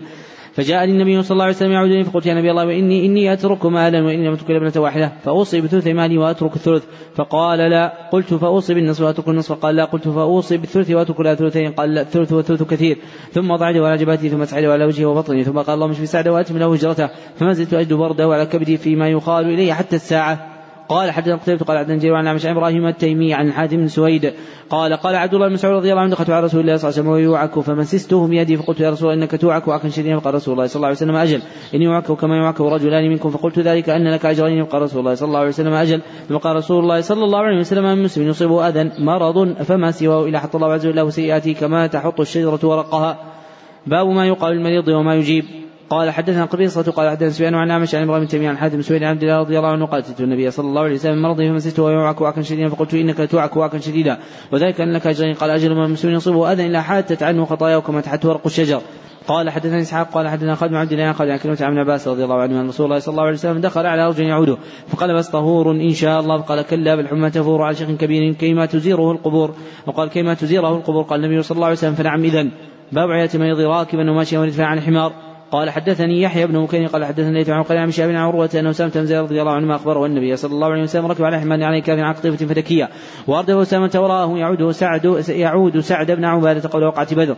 حتى مر بمجلس عبد الله بن أبي بن سلول وذلك قبل أن يسلم. وذلك قبل أن يسلم عبد الله في المجلس. أخلاط من المسلمين والمشركين عبد الأوثان واليهودي وفي المجلس عبد الله بن رواحة رضي الله عنه. فلما غشت المجلس عجلته الدابة قمر عبد الله بن أبي أنفه بردائه قال تغبر علينا. فسلم النبي صلى الله عليه وسلم وقف ونزل ودعاهم إلى الله عز وجل. فقرأني مقرأ فقال عبد الله بن أبي أيها المرء إنه لا أحسن مما تقول إن كان قبل تؤذن به في مجلسنا وارجع رحلكم من جاءك فاقص عليه قال ابن رواحة رضي الله عنه. بلى يا رسول الله فاغسلنا فاغسلنا في مجالسنا بل نحب ذلك. فاستبى المشركون المسلمون والمشركون واليهود حتى كادوا يتثاورون فلم يزل النبي صلى الله عليه وسلم حتى سكتوا. فركب النبي صلى الله عليه وسلم دابته حتى دخل على سعد بن عبادة. حتى دخل على سعد فركب النبي صلى الله عليه وسلم دابته حتى دخل على سعد بن عباده وقال يا سعد ألم تسمع ما قال أبو حباب من عبد الله بن أبي؟ قال سعد يا رسول الله اعف عنه واصفح فلقد أعطاك الله ما أعطاك ولقد جمع أهل هذه البحره أن يتوجوا فيعصبوا فلما رد فلما رد ذلك بالحق الذي أعطاك. شرق بذلك وذلك الذي فعل به ما رأيت.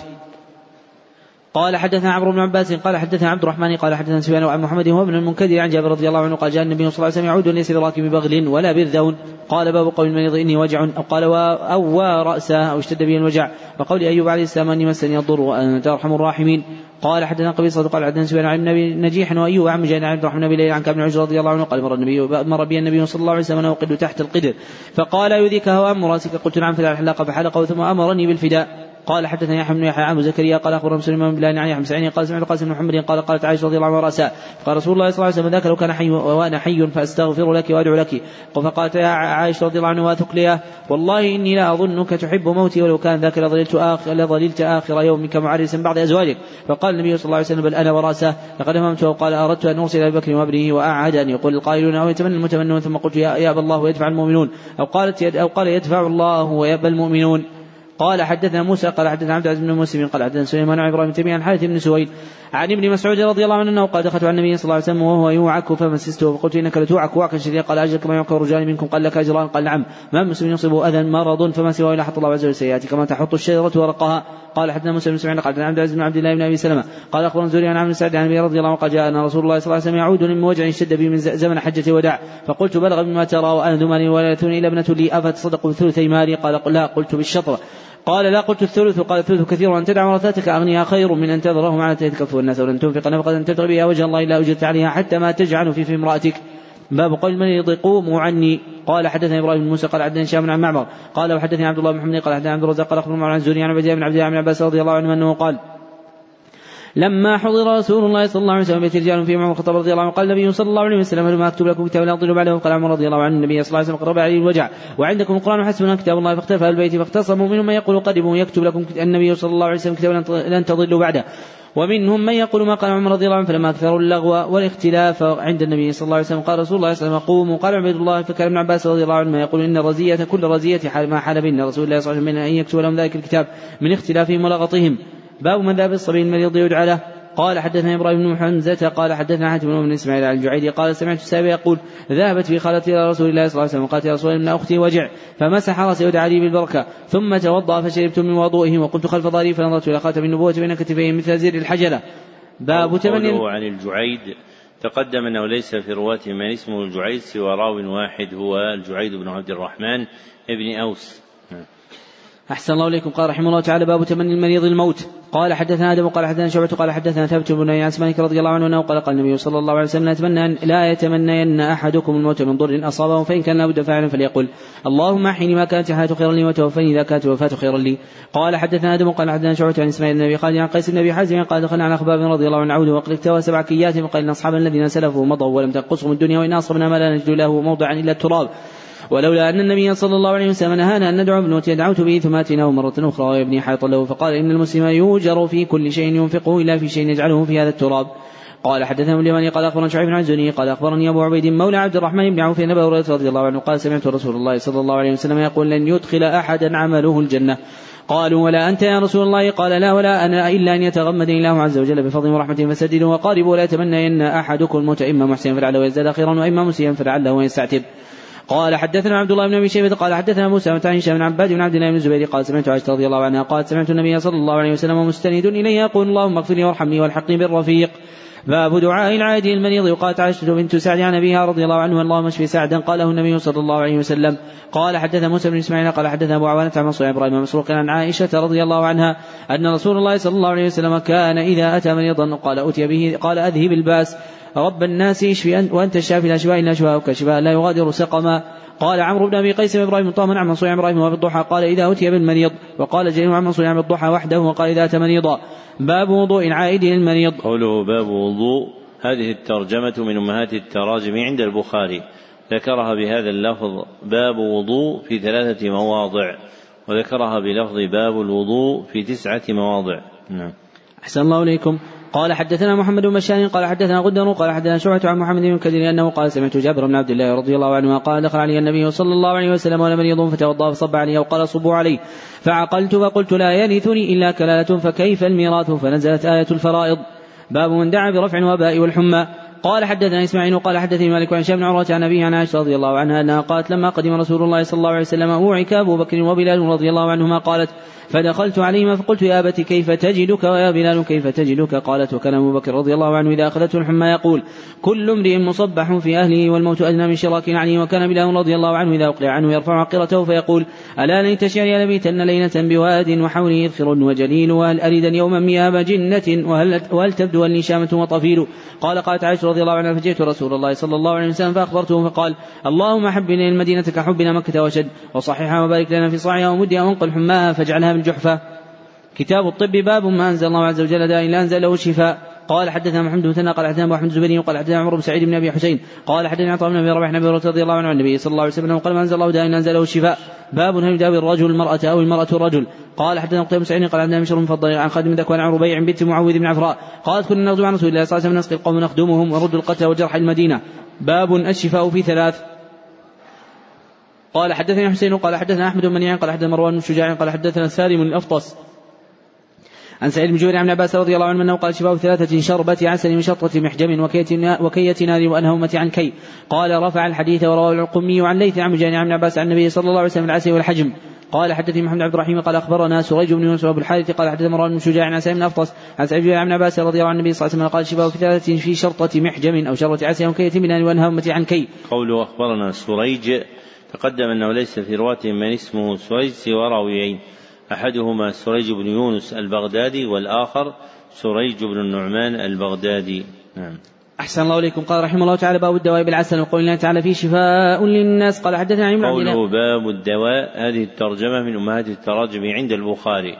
ذكرها بهذا اللفظ في أربعة مواضع. وقال في موضعين باب دواء. نعم. أحسن الله إليكم. قال حدثنا علي بن عبد الله قال حدثنا أبو سامت قال أخبرني هشام بن أبي أنا رضي الله عنه قال كان النبي صلى الله عليه وسلم يعجبه الحلوى والعسل. قال حدثنا ابن عمي قال حدثنا عبد الرحمن بن الغسيل قال عاصم بن عمر بن قتادة قال سمعت جابر بن عبد الله رضي الله عنه أنه قال سمعت النبي صلى الله عليه وسلم يقول إن كان في شيء من أدويتكم أو قال يكون في شيء من أدويتكم خير في شرط ففي شرطة محجم أو شربة عسل أو لذعة من أرض توافق الداء وما أحب أن أكتوي. قال حدثنا عياش بن قال حدثنا عبد الأعلى قال حدثنا سعيد بن قتادة عن متوكل عن أبي سعيد رضي الله عنه رجلا النبي صلى الله عليه وسلم قال أخي يشتكي بطنه فقال اسقي عسلا ثم الثانية فقال اسقي عسلا ثم اتاه فقال فعلت. فقال صدق الله وكذا بطن أخيك اسقي عسلا فسقاه فبرأ. قوله عن أبي المتوكل تقدم أن هذه الكنية عندهم لراو واحد هو أبو المتوكل الناجي واسمه علي بن داود نعم. أحسن الله إليكم. قال رحمه الله تعالى باب الدواء بألبان الإبل. قال حدثنا مسلم بن ربيع قال حدثنا سلام مسكين قال حدثنا ثابت عن رضي الله عنه الناس كان بهم سقم. قالوا يا رسول الله آونا وأطعمنا فلما صحوا قالوا المدينة واقمة فأنزلهم الحرة في ذود الله. فقال اشربوا الوانهم فلما صحوا قتوا عن النبي صلى الله عليه وسلم واستاقوا ذودهم فبعث في آثارهم فقطع أيديهم ورجلهم وسمر أعينهم فرأيت الرجل منهم يكدم الأرض بلسانه حتى يموت. قال سلام بلغ الحجاج قال لأنس حدثني ما شد عقوبة عقب النبي صلى الله عليه وسلم فحدثه بهذا فبلغ الحسن فقال وددت أنه لم يحدث باب الدواء بأبواء الإبل. قال حدثنا قال حدثنا مسلم بن إسماعيل قال حدثنا ما وقت أنس رضي الله عنه الناس ان اشتروا المدينة في المدينة فأمره النبي صلى الله عليه وسلم يلحق براعيه يعني الإبل فيسروا من البانها وابوالها فيلحقوا براعيه فشربوا من البانها وابوالها حتى صارت أبدانهم فقتلوا الراعي وساقوا الإبل فرغ النبي صلى الله عليه وسلم بعد بطلبهم فجيء بهم فقطع أيديهم وأرجلهم وسمر أعينهم قال اقتلت حدثني محمد سيرين أن ذلك كان قبل أن تنزل الحدود. باب الحبة السوداء. قال حدثنا عبد الله بن أبي شيبة قال حدثنا عبد الله قال حدثنا إسرائيل عن مسروق خادم سعد قال أخرجه معنا غالب أبجر. فمرض في الطريق فقدم المدينة ومريض فعاد ابن أبي عتيق فقال لنا عليكم هذه الحبيبه السوداء فخذوا منها خمسا أو سبعا مستحقوها ثم اقطروا في أنفي. بقطرات زيد في هذا الجانب في هذا الجانب فعائشه حدثتني أنا سمعت النبي صلى الله عليه وسلم يقول إن هذه حبة السوداء شفاء من كل داء من السام. قلت وما السام؟ قال الموت. قال حدثني أحمد كيني قال حدثني عن قال عن قال أخبرني أبو سلمه وسعيد بن سيف بن أبي الله اخبرهم أنه سمع رسول الله صلى الله عليه وسلم يقول في الحبه السوداء شفاء من كل داء السام. قال شاب السام الموت والحبه السوداء والشونيز قال باب التلبينة المريض. قال حدثنا حبان بن موسى قال اخبر عبد الله قال اخبر يوسف بن يزيد عن قين عن شاب بن عروة عن عائشة رضي الله عنها كانت تغرب بالتلبين المريض والمحزون على الهالك وكانت تقول إني سمعت رسول الله صلى الله عليه وسلم يقول التلبينة تجم فؤاد المريض وتذهب بعض الحزن. قال حدثنا فروة بن ابن المغلاء قال عن المسلم عن شاب أبي عن عائشة رضي الله عنها كانت تغرب بالتلبينة وتقول هو البغيض النافع.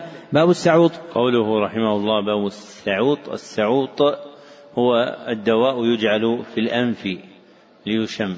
نعم. أحسن الله إليكم. قال رحمه الله تعالى حدثنا معلم ناس قال حدثنا وهيب بن طاووس عن النبي عن عباس رضي الله عن النبي صلى الله عليه وسلم قال احتجم وأعطى الحجام عن النبي صلى الله عليه وسلم أنه احتجم وأعطى الحجام أجره واستعط.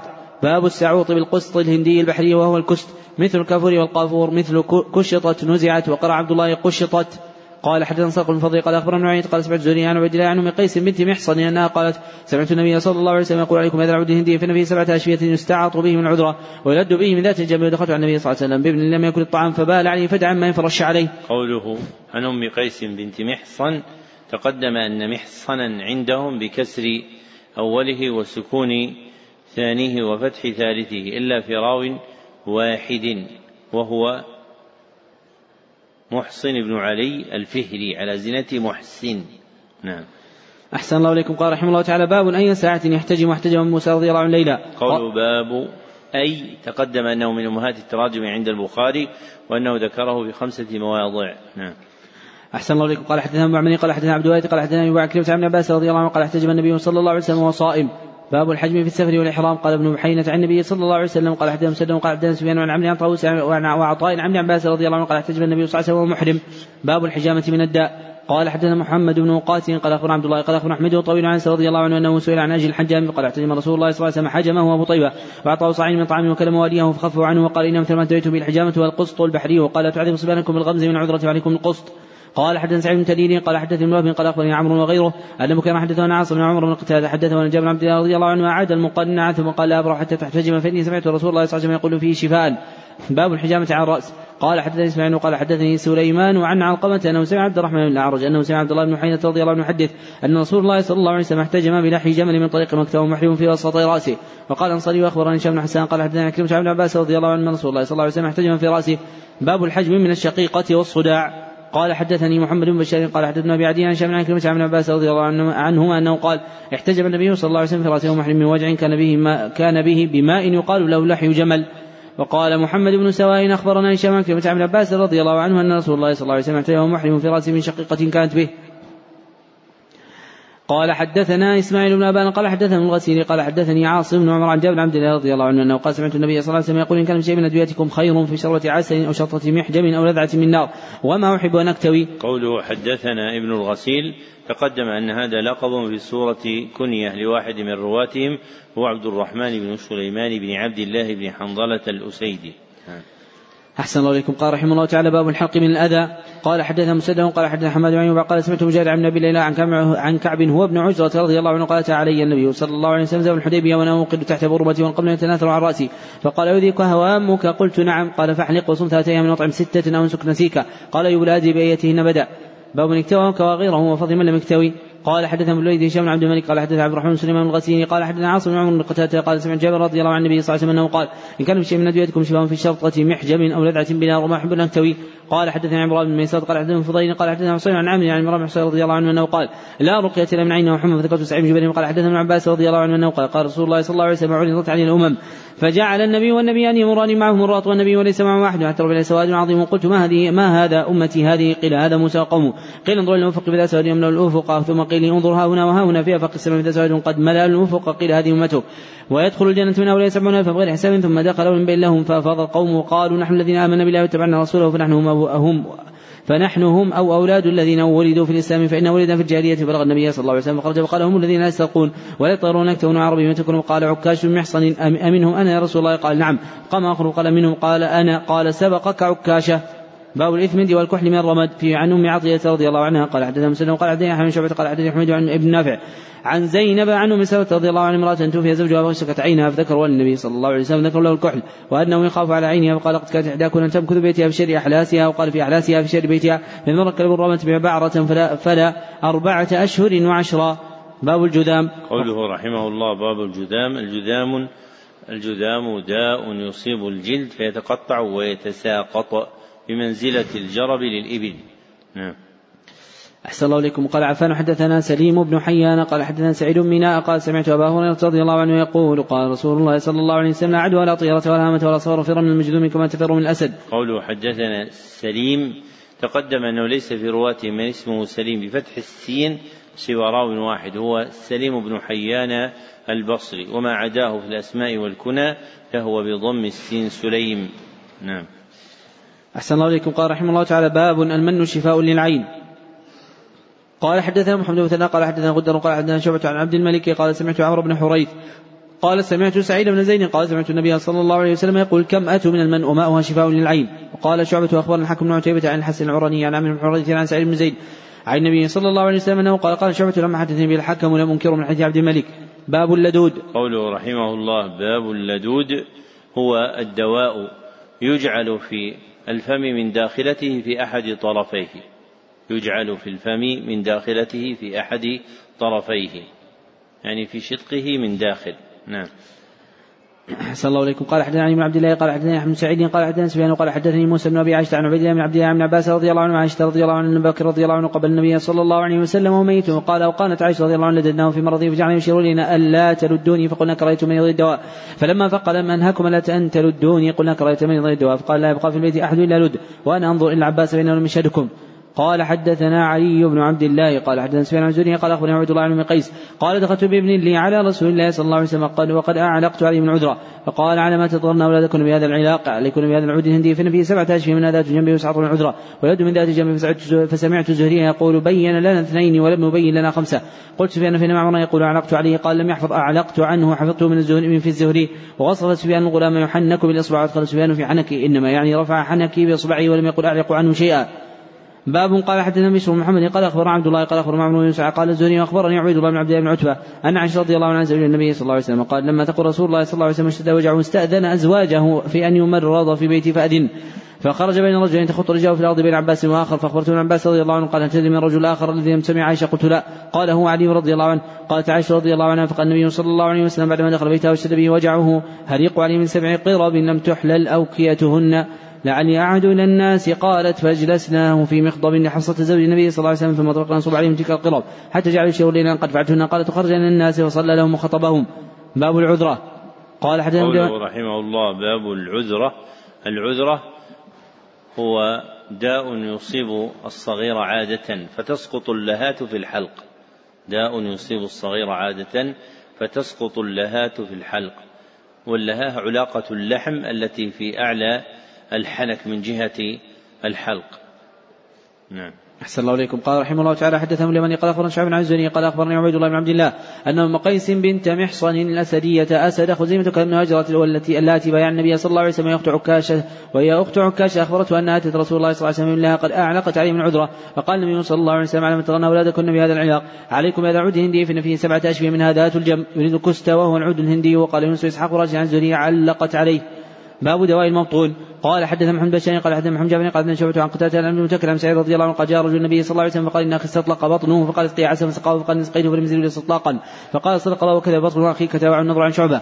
باب لا صفر وهو داء يأخذ البطن. قال حدثنا عبد العزيز بن عبد الله قال حدثنا إبراهيم بن سعد عن صالح بن شهاب قال أخبرني مسلم بن عبد الرحمن وغيره أن أبا هريرة رضي الله عنه قال إن رسول الله صلى الله عليه وسلم قال عدوى لا صفر لها هم فقال عربي يا رسول الله فما بال إبلي تكون في رمل كان الضباء فياتي البعير الأجرب. فيدخل بينها فيجذبها. فقال فمن أعدل وزني عن مسلمه وسلم النبي سنان. باب ذات الجنب. قال حدثني محمد قال أخبرنا عتاب بن بشير قال إسحاق عن الزهري قال أخبرني عبد الله بن عبد الله أن أم قيس بنت محصن وكانت من الهجرة الأول. رضي الله عنها. لا تبايعن رسول الله صلى الله عليه وسلم اخت عكاشة بن محصن أخبرته انها آتت رسول الله صلى الله عليه وسلم الله قد علقت عليه من عذره فقال اتقوا الله على ما تضغرون أولادكم بهذا الأعلاق. عليكم بهذا العود هندي في سبعة اشهر من ذات الجمع يريد كست يعني القسط وقال وهي لغة. قال حدثنا عالم قال حدثنا حماد قال قرئ على أيوب من كتب أبي قلابة منه ما حدث به ومنه ما قرئ عليه وكان في هذا وكان هذا في الكتاب عن أنس عن أبي طلحة ان ابا طلحة رضي الله عنه وأنس بن النضر رضي الله عنه كواه كواه أبو طلحة بيده. وقال عباد بن منصور عن بن قلابه عن سلم مالك رضي الله عنه قال اذن رسول الله صلى الله عليه وسلم لأهل بيت من الانصار أن يرقوا من الحمى والأذن.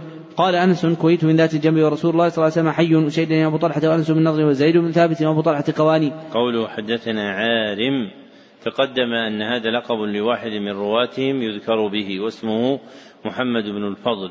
نعم. أحسن الله إليكم. قال رحمه الله تعالى باب حرق الحصير يسد به الدم. قال حدثني سعيد بن سعيد بن عفير قال حدثني يعقوب بن عبد الرحمن القادم عن أبي حزم بن سعد سعد رضي الله عنه قال ما كسر على رسول الله على رأس رسول الله صلى الله عليه وسلم بيضة وادمي وجهه وكسرت رباعيته. وكان علي رضي الله عنه يختلف بالماء في المجن وجاءت فاطمة تغسل عن وجه الدم. فلما فلما رأت فاطمة عليه السلام رضي الله عنها الدم يزيد عن الماء كثرة عامت إلى حصير فعرقتها واسقط على جرح رسول الله صلى الله عليه وسلم فرق الدم. باب الحمى من فحش جهنم. قال حدثني يحيى بن سليمان قال حدثني وهب قال حدثني مالك عن نافع بن عمر رضي الله عنه ان النبي صلى الله عليه وسلم أنه قال حمى في جهنم فأطفئوها بالماء. قال نافع كان عبد الله رضي الله عنه يقول اكشف عنا الرجز. قال حدثنا عبد الله بن سلمة عن مالك عن شام عن فاطمة بنت المنذر أن أسماء أبي بكر رضي الله عنهما كانت إذا أتيت المرأة قد حمت تدعو لها أخذت الماء فصبته بينها وبين جيبها. قالت كان رسول الله صلى الله عليه وسلم يأمرنا أن نبردها بالماء. قال حدثني محمد بن قال حدثني يحيى قال حدثني هشام قال أخبرني أبي عائشة رضي الله عنه النبي صلى الله عليه وسلم قال الحمى في حجن فابردوها بالماء. قال حدثنا مسدد قال حدثنا أبو الأحوص قال حدثنا سعيد بن مسروق عن ابي بن رفاعة عن جدي رابع بن خديجه رضي الله عنه قال سمعت النبي صلى الله عليه وسلم يقول في حجن فابردوها بالماء فما خرج من ارض لا تلايمه قال حدثنا عبد الله بن محمد قال حدثنا زيد بن زرع قال حدثنا سعيد قال حدثنا قتادة بن مالك رضي الله عنه حدثه الناس قال رجال من عكر وعرينة قدموا على رسول الله صلى الله عليه وسلم وتكلموا الناس وقالوا يا نبي الله إنا كنا أهل ضرع ولم نكن أهل ريف واستيقظوا المدينة أمر الله فأمر لهم رسول الله صلى الله عليه وسلم ذود وبراع وأمرهم أن يخرجوا فيه فيشربوا من البانيه وباريا فانطلقوا حتى كانوا ناحية الحرة كفروا بعد اسلامهم وقتلوا راعي رسول الله صلى الله عليه وسلم استاقوا داود فبلغ النبي صلى الله عليه وسلم بعد الطرف في آثارهم وأمر بهم فسمروا أعينهم وقطعوا أيديهم وتركوا في ناحية الحرة حتى ماتوا على حالهم. باب ما يذكر في الطاعون. قال حدثنا حفص بن عمر قال حدثنا شعبة قال أخبرني حميد بن أبي ثابت قال سمعت إبراهيم بن سعد. قال سمعت أسامة رضي الله عنه ما يحدث سعد عن النبي صلى الله عليه وسلم قال إذا سمعت بالطاعون بأرض فلا تدخلوا وإذا وقع بأرض وأنتم بها فلا تخرجوا منها. فقلت أنت سمعته يحدث سعد ولا ينكره.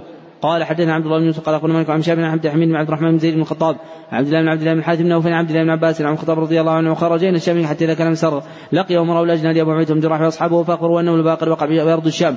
قال ابن عباس رضي الله عنهما فقال عمر ادعوا لي المهاجرين الأولين فدعاهم فاستثار فاستشارهم وأخبرهم ان الباقر وقع بالشام فاختلفوا فقال بعضهم قد خرج قد خرجت لأمر ولا أرى أن ترجع عنه وقال بعضهم معك بقية الناس وأصحاب رسول الله صلى الله عليه وسلم وأرى أن تقدمهم على هذا الوباء.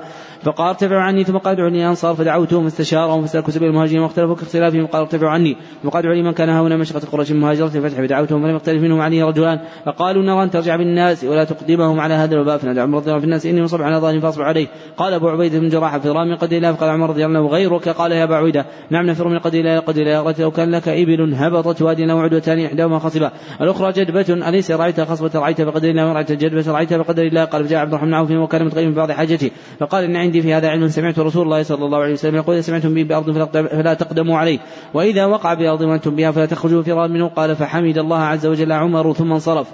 قال حدثنا عبد الله بن يوسف قال أخبرنا مالك عن شاب عن عبد الله بن عمرو أن عمر رضي الله عنه خرج إلى الشام فلما كان سرغ بلغ والوباء قد وقع بالشام فأخبره عبد الرحمن بن عوف رضي الله عنه أن رسول الله صلى الله عليه وسلم قال سمعتم به بأرض فلا تقدموا عليه اذا وقع بأرض وأنتم بها فلا تخرجوا فرارا منه. قال حدثنا عبد الله بن يوسف قال أخبرنا مالك عن نعيم المجري عن أبي هريرة رضي الله عنه أنه قال قال رسول الله صلى الله عليه وسلم يدخل مدينة المسيح ولا الطاعون.